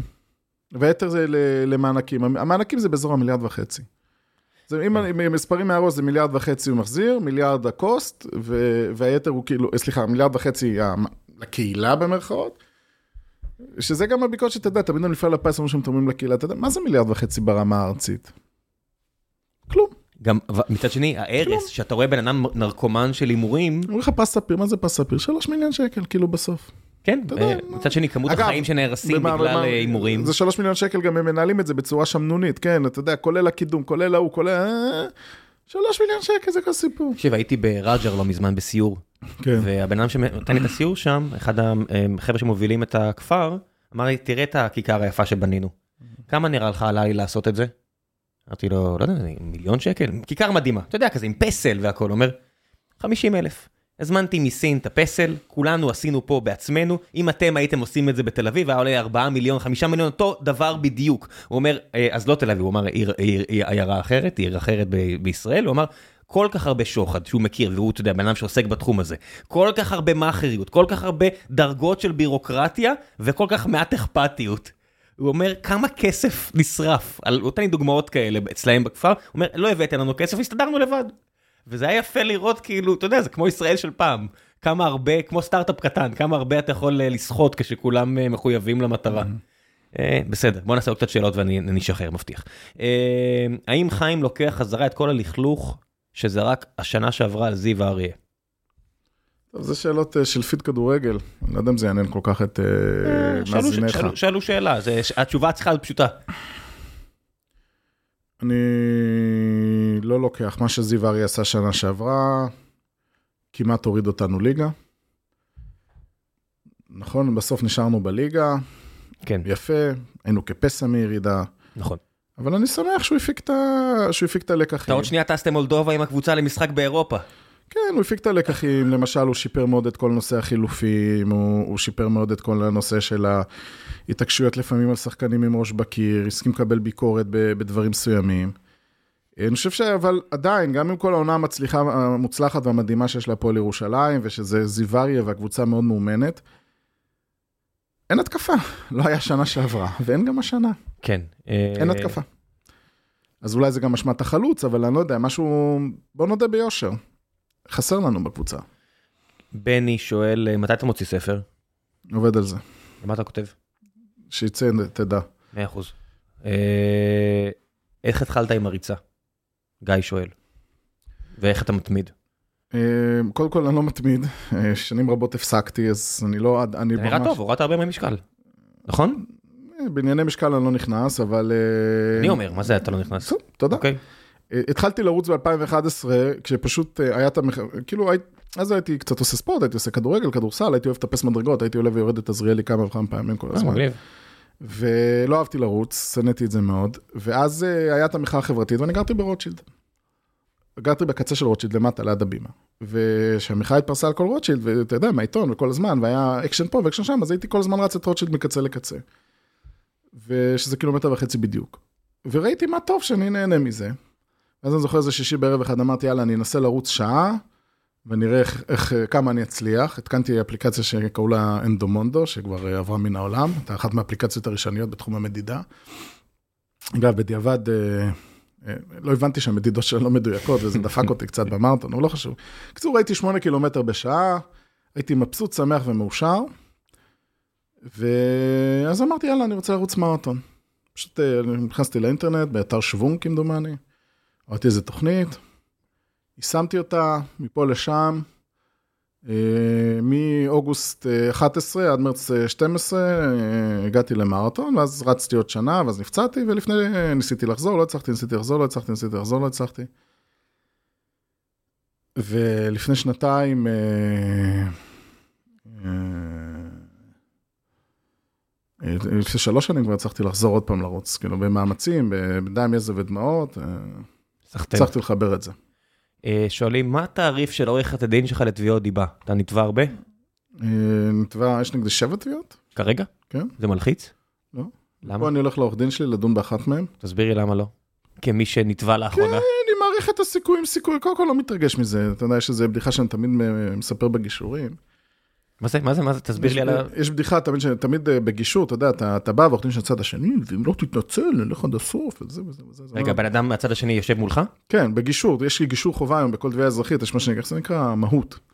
חייבים לעשות פגישת גישור חובה. ואז מה, אני צריך לבהות בבן אדם שתובע אותי? נכון. ו- וכאילו יש מגשר שמנסה להגיע לפשרה, אני לא מסכים אף פעם לפשרות, אבל את הפגישה אתה חייב להשתתף. ו... פשרה זה כסף והתנצלות? לא, פשרה מה שתסכים. אני לא יודע, אתה- היית בשבע כאלה רק לעכשיו, אני לא יודע. אני תמיד אומר, סבבה, אתה רוצה להתפשר, תשלם לי 10,000 שקל הוצאות להתראות. שזה מה שעולה ההוצאות? זה נראה לך שהוצאות משפט עולות 10,000 שקל, זה עולה הרבה יותר. מה אתה לא יכול לעבוד אני על זה? אני נגד פשרות, אבל לפעמים, לפעמים, אתה יודע, לפעמים יוצא פשרות בהליכים משפטיים, לפעמים זה יוצא מהמהות, לפעמים השופט עושה פשרה. ואז אתה תמיד מספר בדיחה, שאחרי שהוא מאיים עליי, שהוא המשיך נגדי בתביעות, אני אומר לו, תשמע, זה מזכיר את הבדיחה על הבת חמש, על האבא שחוזר הביתה ואומר לה- לאימא, הסתכלתי בחדר של הבת 15 שלנו, והיא חולת סאדו, הכל שם מלא שוטים ו- וצוותות וזה, ואני אני לא יודע מה לעשות. אז האימא אומרת, מכות לא יעזרו כאן. אוקיי, מוסר השכל, אחי, אתה כאילו, אני חולה על זה, כאילו, מה אתה מאיים עליי בעוד תביעות? למה אתה כל כך אוהב את זה? לא אכפת לי מזה, זה לא, לא מפריע לי. זה, מה שזה מפריע לי, שזה גוזל זמן. העיסוק בזה. אתמול דיברתי שלוש פעמים עם עורך דין מהתיק הזה, והעורך דין מהתיק ההוא, והעורך דין, אתה מבין, יש לי כמה עורכי דין. What the fuck are you doing? שמע, זה שבע תביעות, אתה יודע, זה, זה כמה עורכי דין, יש לי כמה עורכי חלק מהתביעות שכבר הסתיימו, אתה אומר, וואו, חבל שנכנסתי לזה, או שהכל לא לא אכפת לך? לא אכפת לי. ואני חושב שאני הולך על קרקע מוצקה, בכל אחת משבע התביעות האלה. אוקיי. אה, אני מאמין בהם. אני פשוט מאמין בהם. מאמין ב... ב- אני מאמין בתיק, אני מאמין בטיעונים שלי. שאתה לא זה, אוקיי. אתה יודע, השופט תמיד יכול לחשוב אחרת. זה שופט, זה זה לחשוב. מגיע באמת למשפט? חלקם כן. אתה יודע, אני... אה, אה, זכית כבר באחת? למשל, יש איזה... רגע, רגע, זכית כן, כבר? כן, ניצחתי כמה תביעות. יש זה כסף? אתה מקבל כסף? לא, אני תמיד, אני לא מגיש, תמיד אני חוטף. אבל אם מישהו מפסיד הוא צריך לשלם לעורך דין שלך אז? אם אני מנצח בתביעת דיבה, לא, אם מישהו, אם אם הוא אם הפסיד. מישהו הגיש נגדי והפסיד, אז הוא משלם הוצאות, אבל מה זה הוצאות? אם לא יודע, אני אמרת. יותר מעשרת אלפים שקל. תגיד, כמה עולה... נו, זה הרבה כסף, לא? זה הרבה כסף? לא, אני- יודע. אני אומר, אחת הבעיות במדינת ישראל זה שאם מישהו החליט לתבוע אותך ויש לו תביעה מופרכת.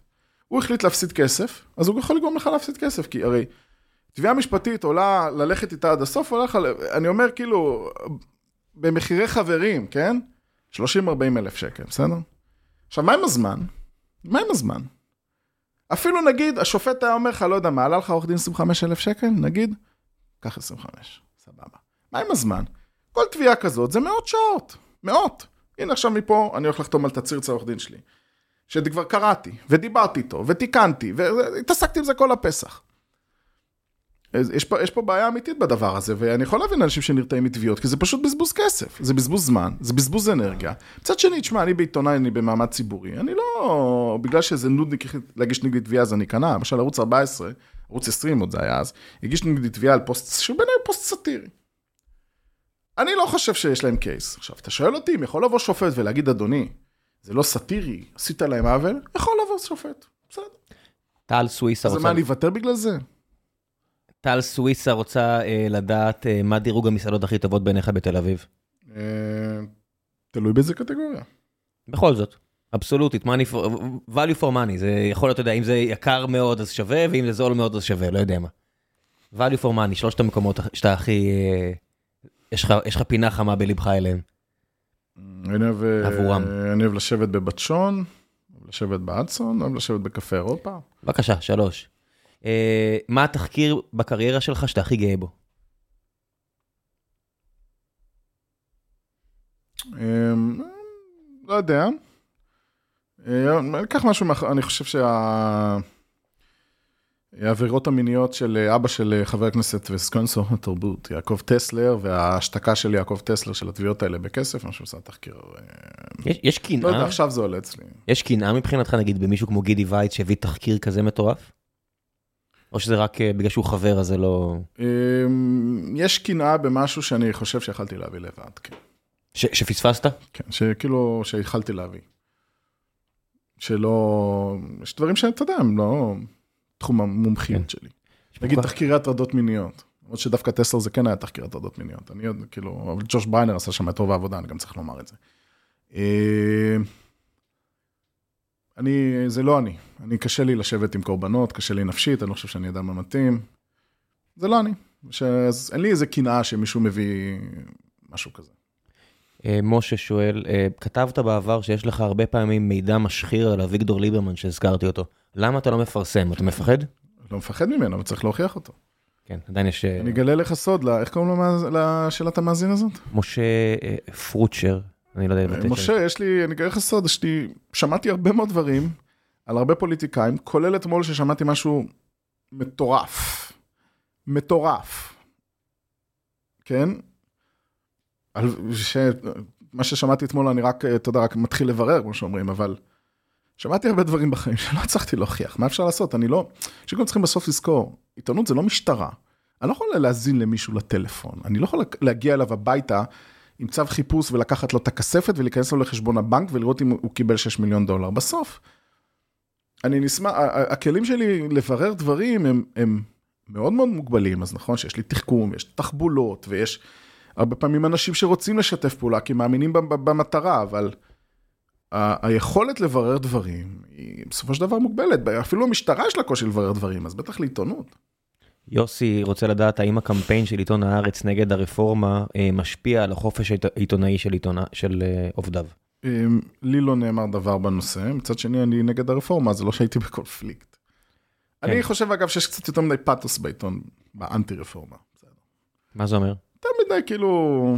אווירת יום הדין וזהו, זה סופה של הדמוקרטיה. כן, כן, כן, יותר מדי אווירת, כן. שנייה, כן, אי אפשר להרוג את הדמוקרטיה 800 פעם, זה זאב זאב, הסברתי לילד שלי בדיוק מה זה זאב זאב. אתה יודע, אני חושב עוד פעם, גם דמוקרטיה זה רצפים, זה לא שדמוקרטיה כן או לא. זה לא שאו שיש לי, אתה מבין, זה בין 1 עד 10. לא, יש לירות לה בראש, ביטלת בחירות, זהו, נגמר. בסדר, נכון, זה מצב של אחד, אוקיי, כן. אני מקבל, זה ברור, אבל נגיד אם היית ב-8, אז תרד ל-7, אתה מבין? בדיוק. זה ספקטרום. כן, ברור. אמ, טוב, זהו, שאלה אחרונה, אני, זה, אני לא אקח אותך יותר. אמ, מה יקרה אם, אם אתה רוצה בכל זאת נבואה, ואם אתה לא זה, מה יקרה ביום שאחרי ביבי? האם הביביזם פשוט יעבור למישהו אחר? יוני שינדלר שואל, או שהביביזם בכלל נוצר בגלל אה, הקריזה של ביבי, והוא היחידי שיכול להוביל דבר כזה. אני חושב, שהל... אני חושב שהליכוד יתפרק. מה זה הביביזם, עוד פעם? זה שילוב בין... הערצה לבן אדם שמאוד מעריכים? אה, אז אה, זה לא יהיה, כי לא יהיה את האדם שמאוד מאוד מעריכים. והשאלה היא, האם הביביזם הוא מיתון של הפופוליזם? מיתון? מיתון, כן. זאת אומרת, האם, אני חושב שלמשל, בן גביר, הרבה אנשים בליכוד, מהילד של ביבי, שלמה קרעי וגלית דיסטל וכולי, הם בעמדות בן גביר ואפילו עמדות בן גביר ימינה. יש ימינה מבן גביר? כן. מה זה ימינה מבן גביר למשל? יאיר נתניהו. לא, זה... מה, ימינה ביאיר לא, אני, אומר, כאילו, אתה יודע, יותר, גז... יותר גזעני, יותר פופוליסטי, יותר ארסי, יותר נגד השמאלנים, הרי. זה סתם יותר מטורלל, זה לא... כן. מבחינת דעות אין יותר ימין מבן גביר. יכול להיות, יותר מבוטא בצורה יותר זה מטורללת. בסדר, כן. אני חושב שאם נגיד, למה, אם, אם, עוד פעם, נגיד עכשיו בתיאוריה ביבי מחר לוקח עסקת טיעון, או לא לוקח עסקת טיעון, או עובר התקף לב חס וחלילה, והוא נעלם מהמפה הפוליטית. אז אני חושב שהליכוד, הליכוד לדעתי לא ישרוד כליכוד. הליכוד יתפצל לשתיים, זאת אומרת, תקום מסגרת פופוליסטית שתאחד אנשים שמסתובבים היום במחוזות עוצמה והציונות הדתית, ותקום מסגרת ימין מרכז, שתהיה כאילו הליכוד הממלכתי במרכאות, זאת אומרת... שגדעון יחזור הביתה. אה, כן, מגדעון עד ניר ברקת. אגב, גם סוג של בני גנץ, מה שבני גנץ היום עושה, זה סוג של ימין מרכז. סוג של. מה הוא אמר? הוא לא אמר כלום, כל ה... אני עדיין לא שמעתי אותו, אומר אבל לא משהו צריך אחד. לומר, לפעמים כן. זה מה שאתה לא אומר. אז בסדר, זה לא אומר כלום. אז- נכון, אבל הוא לא פופוליסט. לא, הוא לא פופוליסט, הוא ממלכתי. אז, תקום מסגרת פופוליסטית. שהיא תהיה יותר, הרי היום האדם הפופוליסטי ביותר, נגיד לצורך העניין, הוא בן גביר ואחריו נתניהו. אז אני חושב שתקום מסגרת עוד יותר פופוליסטית, שכל כולה תהיה פופוליזם נטו, שהיא לא תהיה שישה מנדטים יש לבן גביר היום? שבעה? לא, שש. אני לא יודע איך זה עם הפיצול והכל. שש, זה, זה שש, שבע ואחד. אז זה שש מנדטים של בן גביר, תהיה הרבה יותר רחבה, כי אני חושב שהזרמים הפופוליסטיים האלה הם הרבה יותר רחבים. מה ההבדל בין גלית דיסטל לאיתמר בן גביר? מה ההבדל? אני חושב שיש... מה, מבחינת מה שהם מתבטאים? בגדול, אתה יודע, מבחינת הסגנון. לא יודע, גלית לפני שלוש שנים אמרה דברים שונים לגמרי, אז אני לא יודע, איתמר אמר דברים נורא דומים לפני שלוש שנים. הרי מה זה הפופוליזם? בפופוליזם אין מורכבות. כל בעיה אנחנו נטפל. כל אנחנו, זה, זה, מחזיר את המשילות, נוריד את המחירים, זה נטפל. בצלאל, בטח, כן, הכל טוב. זה בא לא יודעים אנגלית, נדבר אנגלית, הכל טוב. כן, ושתיים, זה בא עם יסודות פשיסטיים שתמיד האחר הוא אשם. זאת אומרת, אם אני לא מצליח לממש את המשנה הפופוליסטית, מישהו דפק אותי. כן, אז האחר הוא אשם, זה לא אני, זה לא שאני כשלתי מלהביא תוצאה, התקשורת, הממשלה הקודמת, השמאל, הפודקאסט, מנע ממני... האמריקאים, כן. הרי דונלד טראמפ, שהוא נגיד אבי אבות, ה... לא הוא לא אבות התנועה, אלא הוא הרול מודל של הפופוליזם המודרני. אי פעם הוא אמר, אני טעיתי, אני לא הצלחתי. כן. לא, זה תמיד ההוא, זה תמיד המדיה, זה תמיד זה. אה, אה, הכל פשוט גם, אתה מבין? אז אני חושב שהמסגרת הפופוליסטית הזאת, תהיה, תהיה הרבה יותר גדולה ומשמעותית. במובן הזה, אני, אני חושב שביבי הוא חצי פופוליסט, חצי לא. זאת אומרת, ביבי כן מבין מורכבויות. הוא, הוא ברטוריקה שלו, אה, לא. אבל בתוך החדר פנימה, הוא כן מבין מורכבויות, הוא כן מבין שאין פתרונות קלים לבעיות יצא לך קשות. לשוחח איתו? מלא פעמים. ואיך זה היה? הוא איש מאוד מרשים, אין מה לומר. כן, הוא כן מרשים. ברור, הוא איש חכם אה, בצורה בלתי רגילה, אבל אני אגיד לך מה הבעיה בביבי. אתה אף פעם לא, הוא, הוא חלקלק. אתה אף פעם לא יודע אם הוא מאמין במה שהוא אומר, הוא כאילו הרבה פעמים יכול לדבר איתך שיחה נורמלית ופתוחה, ואז הוא פתאום נכנס לאלמנט שהוא נזכר שהוא ראש ממשלה, והוא, ואז הוא מתחיל עם כל מיני משפטי כלום, וש- ואתם התקשורת, אתה מבין? נגיד, אתה יכול לנהל איתו שיחה מאוד אינטליגנטית על איראן עשר דקות, ואז הת- התקשורת אשמה באיראן. כאילו, קשה מאוד להפריד את הבן אדם. נגיד שהוא יושב בטלוויזיה ואומר, אני הייתי יושב ראש האופוזיציה בזמן ההתנתקות, הוא מאמין בזה. זאת אומרת, כאילו, הוא... מה זה מאמין בזה? אבל זה לא אמת. אני אומר לך, אתה מחבר אותו לפוליגרף, הוא יוצא דבר אמת. אבל אם, אוקיי, ואם אתה אומר לו, תסתכל בביוגרפיה, אתה לא היית, מה הוא יגיד? אוי, טעיתי? או... לא, מה- הוא יגיד משהו, הוא יגיד משהו באותו רגע. מה, אבל מה? מה אבל מה יגיד? שהוא יגיד באותו רגע, מה הוא היה אומר? הוא לא ירגיש אי נעימות, הוא בראש שלו, הכל בסדר. אז מה הוא היה אומר? אבל אם הוא- אם היו מאמתים אותו, לא זה לא מסקרן אותך הסיטואציה הזאת? לא, אני אומר לך, אי אפשר כבר להפריד בין הפוזה לבין פנימה. יש הרבה פעמים פוליטיקאים שאתה יודע שהם משקרים לך, שאתה יודע שהם אומרים משהו, מי? כי זה נשמע טוב, אה, נפתלי בנט. שאתה אתה יודע, הוא יכול לצאת החוצה ולתת נאום חוצב לעבוד אה, בחדר פנימה הזה, הכל בדיחה. לא, כי זה מה שאתה צריך לעשות בשביל להיבחר. הוא ציני. אצל ביבי- יזם, אתה מבין? יזם. כן, אצל ביבי, אין את זה. אין את זה, אין את זה. הוא מאה אחוז תמיד... אינרול. מאמין- לא, הוא, הוא בעיניו, הוא לא משקר. זה המציאות. ו, ואני אומר, קשה מאוד להפריד את ה... את, תמיד אני אומר, נגיד, שרה באירוע מספרה, היא בתודעה שלה משוכנעת שעמדו לרצוח אותה. לדעתי תודעה פתולוגית, אבל, אבל ש- היא אמיתית, זאת אומרת, כן. עזוב, את עזוב זה שזה פתולוגי, כן. אבל היא, היא עם עצמה היא מאמינה בזה אמונה מוחלטת. הוא, שהוא אומר את זה, לא אכפת לו אם זה נכון או לא נכון. לא, זה לא מעניין. אין אצלו בכלל את השאלה אם זה נכון או לא נכון. אתה מבין? זה מה שאומרים באותו רגע. זה ביבי. המלצות, מה שבא לך, אין לי רגולציה. מה שמעת, קראת? המלצות, אה, צפיתי, סיימתי לצפות אה, סדרה ששודרה לפני ארבע שנים, האיש במ- האיש במצודה הרמה. אהבת? הדיסוטופיה שם קשה מאוד. היא מאוד מעניינת. אה, יש בה הרבה קטעים מגוחכים. מה למשל? כל, ה... כל המחתרת השחורה בעונה הרביעית זה פשוט פארסה. זה, זה כזה ה-PC האמריקאי, אני כבר... אתה, אתה מבין אבל שכל דבר שיוצא מס... מהספר זה קצת, אה, אתה יודע... לא קראתי את הספר, אז אבל אני אני לא אומר, יודע. כל דבר שיוצא מספר, אתה מיד מרגיש. זה כמו Game of Thrones, זה סביר, סביר, אבל סביר, אני כבר- יוצא מספר זה אני מזעזע. כבר רואה את, ה... את ההלך רוח, הרי מכיוון שאנחנו סדרה שעוסקת בנאצים, ב- בעידן, ב... אז אין שחורים, וכמעט ואין יהודים, כי הם הושמדו על ידי הנאצים. ואז אתה כבר רואה את המוח ה-PC שיושב לו באולפני, ב... ואומר לעצמו, רגע, אה, לא ביאהו, ב... באמזון. באמזון, זו הסדרה של אמזון פריים. מה עם הדייברסיטי? אין שחורים. אז אה, מחלטרים, מאלתרים איזה מחתרת שחורה. זה מגוחך. אגב, אני גם, בסוף אני לא, אני גם אישית חושב שכל כל, כל קו העלילה שהם נעים בין העולם האמיתי שלנו לבין העולם בסדרה, הוא מופרך ומגוחך וזה מגיע לפיקים ביזאריים מאוד בסוף. זה, זה הבעיה בלצאת מספר שמשאיר אותך כן. בלי להיכנס ל... ל... טוב, לא משנה, כן. אבל אני עדיין חושב שיש שם דברים מאוד מאוד יפים, ורציתי לכתוב כן. על זה טוב ולא הספקתי. אה, על דמותו של ג'ון סמית, וזה בכלל, זה מעורר, זאת אומרת, אנחנו כל כך... עם, עם המלחמת העולם השנייה, בסוף עם כל ה...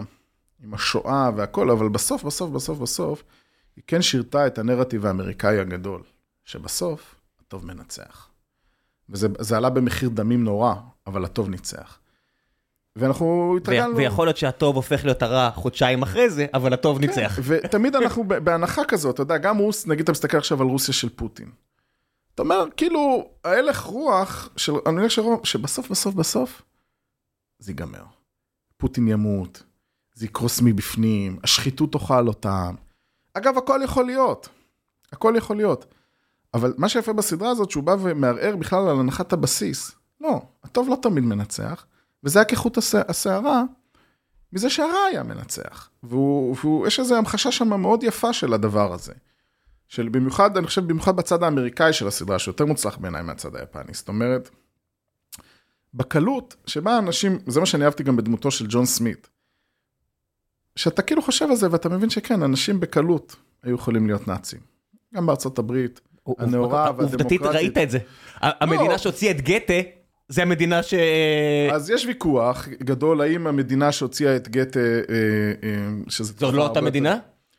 אם, האם היסוד, לא, אבל יש, האם היסודות היו שם? זאת אומרת, תראה, בסוף, אנטישמיות וגזענות היו נפוצים, ב, היו ועדיין נפוצים בכל רחבי העולם. נכון. אבל הגרמנים, זה לא סתם היה אנטישמיות, הם שכללו את, ה, את הרעיון האנטישמי הבסיסי לאיזה, למכונת השמדה, שזה רעיון שאף אחד לא העז להעלות על דעתו, או, או לנסות להוציא לפועל, גם במדינות המאוד אנטישמיות, זאת אומרת, גם אם הייתה אלימות פוגרומיסטית, רחובית כזאת, לא היה מכונת השמדה יסודית כמו שהגרמנים ניסו לעשות.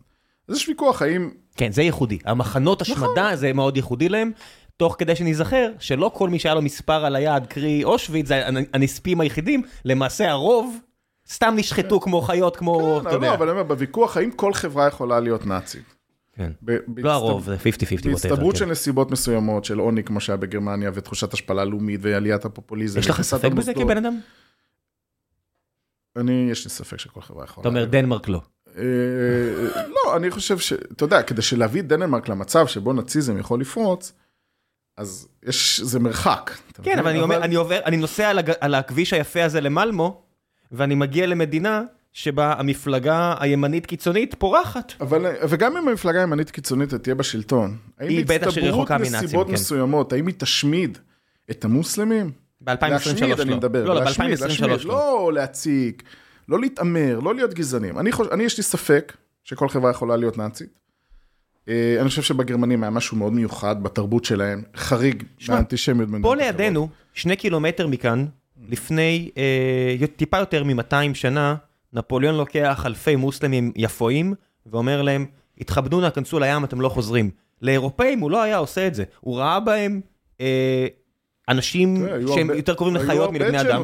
והוא, ו- בסדר, אבל הוא עצמו כתב על זה אחרי זה באוטוביוגרפיה שלו, על, ה, על ההרגשה הזאת של, הוא לא ראה בהם כבני אדם, והוא אכל את עצמו על זה, הוא שם תרבוש על הראש, הוא ניסה לכפר על זה, אבל באותו רגע הוא שלח אלפי או מאות אנשים למותם פה ביפו, כי זה לא היה בני אדם עבורו. ופול פול פוט ורואנדה. שהיה שמע, אני הייתי 30 בקמבודיה, שנה. זה דבר מטורף. נכון. הייתי ברואנדה, סליחה, בקמבודיה. הייתי בקמבודיה חודש וחצי מחיי, זה לא נתפס הדבר הזה.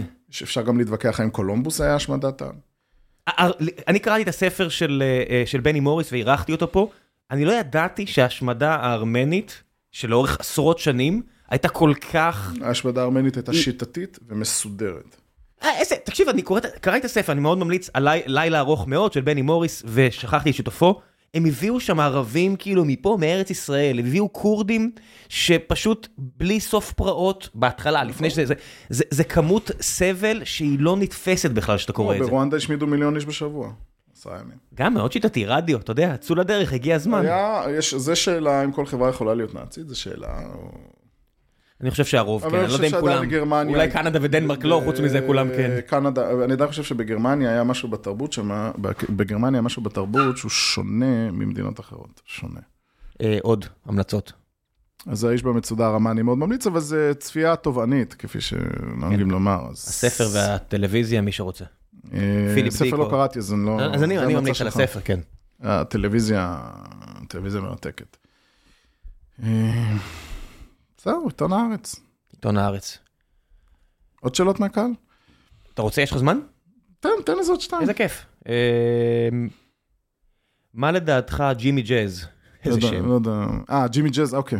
אה, מה לדעתך ההשפעה על השיח בטוויטר על הפוליטיקאים בארץ? גדולה מאוד. יותר מדי? אני חושב שהטוויטר הוא בסוף המנוע של השיח. זה מטורף. וזה זה- קרה די מהר. כן, וזה קבוצת ההתייחסות שלהם בסופו של דבר. אה, שלא של כולם, של הרבה מהם. וכן, אני חושב שההקצנה של הטוויטר, הקצנת השיח בטוויטר, היא משפיעה על הקצנת שיח של פוליטיקאים, כן. אה, עוקב וקורא מושבע, נועם טלמון שואל, אבל לצד הכל, האם יש משהו בהוויה של המדינה שאתה לוקח באמת ברצינות? זאת אומרת?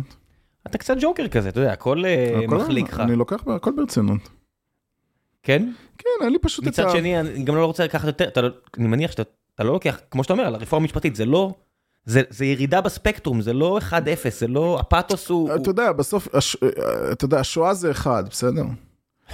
כן, אם תהרוג אותי או את הילד שלי זה אחד, עבורי, אתה מבין? ודנמרק זה עשר, אני כאילו, כן. אני מסרב להיות בתודעת שואה כל הזמן על כל דבר. יש- מורכבויות בחיים, יש התמודדויות, והם מתמודדים. איתי אה, אה, עינת- שואל פה משהו שהרבה אנשים שאלו בווריאציות כאלה ואחרות, מה ההבדל מבחינתך בין שופרות, שופ, שופרות הימין והשמאל? האם במצב בו ישנה דילמה של עיתונות אל מול אג'נדה פוליטית, אתה תמיד תבחר בצד העיתונאי? אני תמיד אבחר בצד העיתוני, אני חושב שההבדלים הם מובהקים בשתי, בשתי דברים. אחד, האם היית מפרסם משהו שלילי על אנשים במחנה שלך? זה, זה, הנה, זה מדע טוב. אורי אבנרי בזמנו לא פרסם, אה, בחר לא לפרסם. האם היית מפרסם על אה, יאיר נתניהו, אה, סליחה, יאיר לפיד שהולך למועדון חשפנות, נגיד? כן. בכלל שאלה בעיניי. אה, וכבר בדקתי לעומק סיפור שלא הצלחתי להוכיח אותו על בכיר מאוד בשמאל הישראלי שהולך לנערות ליווי. לא הצלחתי להוכיח את זה לצערי. איך אתה מוכיח דבר כזה? שואל את הזונה אם היא, אם היא באמת זיהתה אותו, מה... תיעוד, תמונה. למה שיהיה תיעוד או אה, תמונה? אה, כי זה הרבה פעמים, אתה יודע, זה שוק הזנות הוא בהתכתבויות כבר היום, זה בדירות, זה זה. אה, איזה עולם מקביל.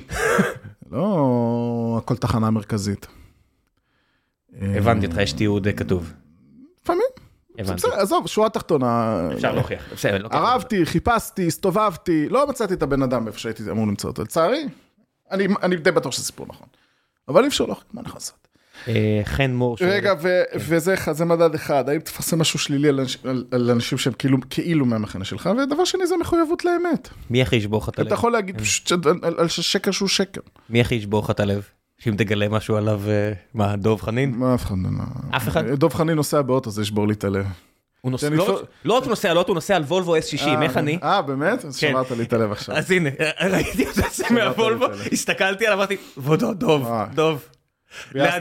אם הוא לא, שהוא לא יתבע אותי, אבל אני ראיתי את דוב יוצא, אלא אם כן הוא לקח את זה מחבר, דוב נוסע לא רק על אוטו, על וולבו S60. ביאסת. אוטו נפלא.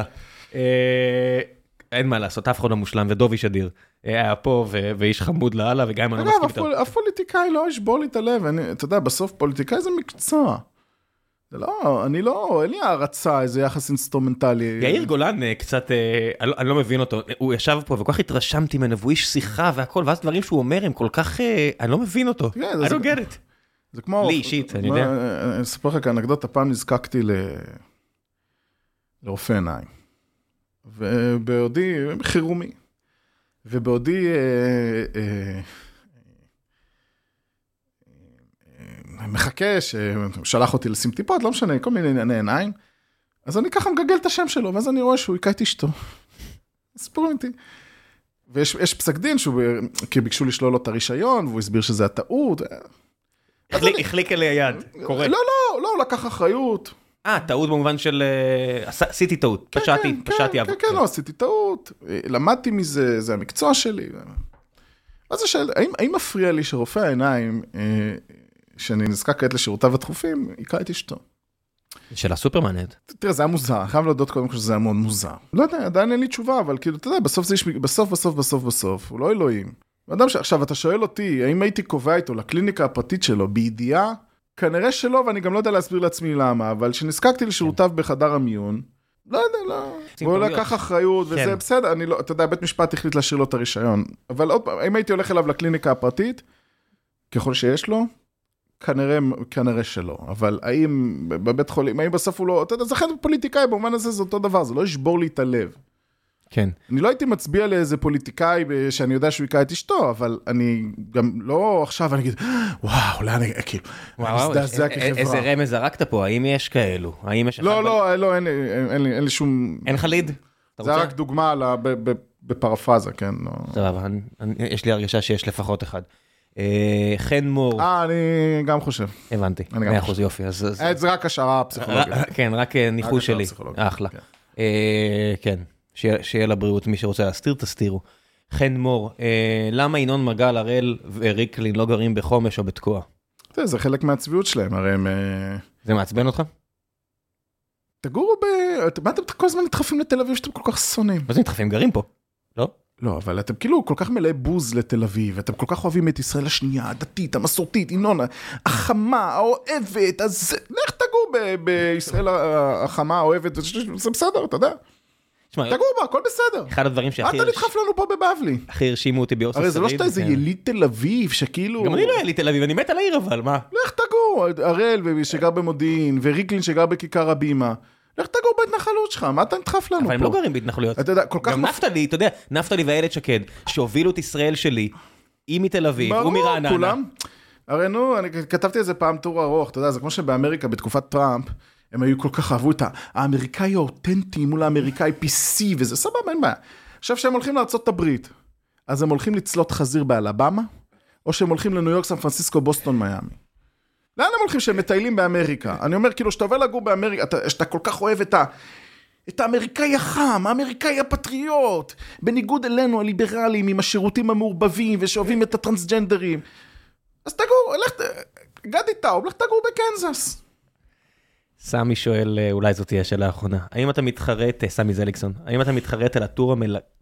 אני מקריא, כן. לא, לא. הטור המלקק לא. לדודי אמסלם? הטור לא היה מלקק. כן, אני מקריא. הטור בא לטעון שהוא זוכה לזלזול כמזרחי. אני עדיין חושב שבביקורת עליו היה הרבה אה, סטריאוטיפים גזעניים. קצת ביקורת סופר לגיטימית, שגם לי יש על דודי אמסלם. ואני חושב שכתבתי את זה גם בטור, או באחד הטורים. השימוש בידיים, למשל, מטאפורת השימוש בידיים. שדנה וייס אומרת לו, למה אתה מדבר עם הידיים? זה הקטנה של מזרחי שבכלל ישבה לידו, אז מה, מה, מה, מזיינת את המוח. זה- זה הערה מגעילה. נכון, וזו הערה שמופנית כלפי מזרחים, או למשל מה הוא מבין בסייבר. מה, מה? כאילו, זה- זה הערה שמופנית רגע, מה אמרת? למזרחים. למה אתה מדבר עם הידיים, זה הערה שמופנית למזרח. בוודאי, להציג את המזרחי כאלים, כבריון, ככוחני, כ- כמוגזם. אה, כי התנועות מאיימות גדולות? כן, אז, אז הרי מה היה, מה היה? הרי דנה וייס הייתה איתו באולפן, זה קטע ידוע, שהתחילה להגיד לו, למה אתה. מדבר אליי עם הידיים? עכשיו, הבנתי. תראה, אם הוא היה יושב לידה והייתה מרגישה מאוימת ניחא, אבל היא ישבה פה, הוא ישב פה, ועודד בן עמי ישב באמצע, אז גם אם הוא היה מדבר עם... קופץ מהכיסא, עודד בן עמי ישב שם באמצע, זה לא שכאילו היה איזה... הוא חדר לה למרחב הפרטי עם, ה, עם הידיים, ו, ודבר שני שכתבתי שם, הוא היה בתקופה שר הסייבר, עכשיו זה משרד פיקטיבי בעיניי, אבל כל הזלזול, מה הוא מבין? בעיניך זה משרה פיקטיבית, טוב, כאילו, כן. היה בתכנים. ברור, מה טוב, קורה, ברור בסדר, שזה משרה- פיקטיבית. תגיד משרד פיקטיבי, הכל טוב. זה לא בעיניך, זה אובייקטיבית משרד בסדר, פיקטיבי, מק- אוקיי? מקבל, מקבל, אבל כן. מה הייתה הטענה? מה הוא מבין בסייבר? לא צריך להבין, לא למה, שמעת, זה? רק לניהול. זה רק ניהול. אבל לא, שמעת? המזרחי לא יכול להבין בסייבר, כאילו היה בזה איזה undertone כזה, מה, מה, זה שצועק פיני בוכריס. ניהל את 8200. אני אומר לך שהוא איש חכם, הוא איש חכם, דודי אמסלם, לצערי הוא לוקח את זה למקומות לא טובים. אבל הוא, בכלל לא איש טיפש. ככל שהיה משרד סייבר, הוא יכול לנהל אותו. הוא לא מאי גולן טיפש גמור. למה ככה על מאי? כי- מאי גולן, היא אחד מהאנשים בעדינות מהטיפשים בישראל. אני לא רוצה להגיד... אתה מת לטבע תביעה שמינית? אני לא, לא, זה אין, אין בזה שום, אין בזה שום אה, דיבה. אה, וואלה. מותר כינוי גנאי. אה, אוקיי. מותר, מותר כינוי גנאי. אה, אה, אתה יודע כמה אהבה אתה מקבל פה? אתה מבין איזה בן אדם אהוב אתה? יש פה מאות, מ- מאות הודעות אהבה. אה, אחלה אורח, תודה רבה. מה דעתך על התוכנית של ינון מגל ובן כספית? האם התארחת כמחליף, הוא התארח כמחליף בכמה תוכניות לאחרונה, והיה תענוג לשמוע אותך בפורמט הזה.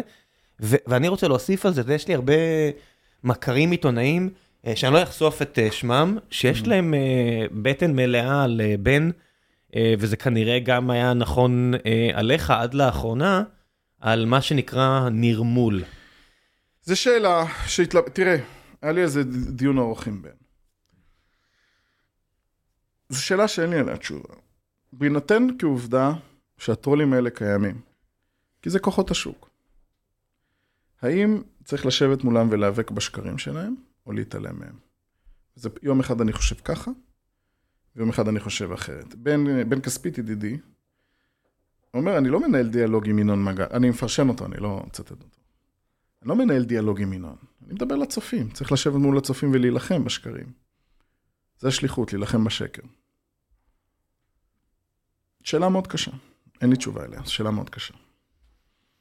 כן, לא יודע, אני, אני יכול להגיד לך, ההורים שלי נגיד רואים 14, וכשאין אה, קונטרה, אה, וגם כנראה לצד השני, בסדר, אני פשוט לא, לא רואה מספיק טלוויזיה ואין לי מקור להשוות, אבל שאין קונטרה ומישהו פשוט רץ בכיוון אחד, זה יוצר... אה, זה קשה, זה אנשים מאמינים.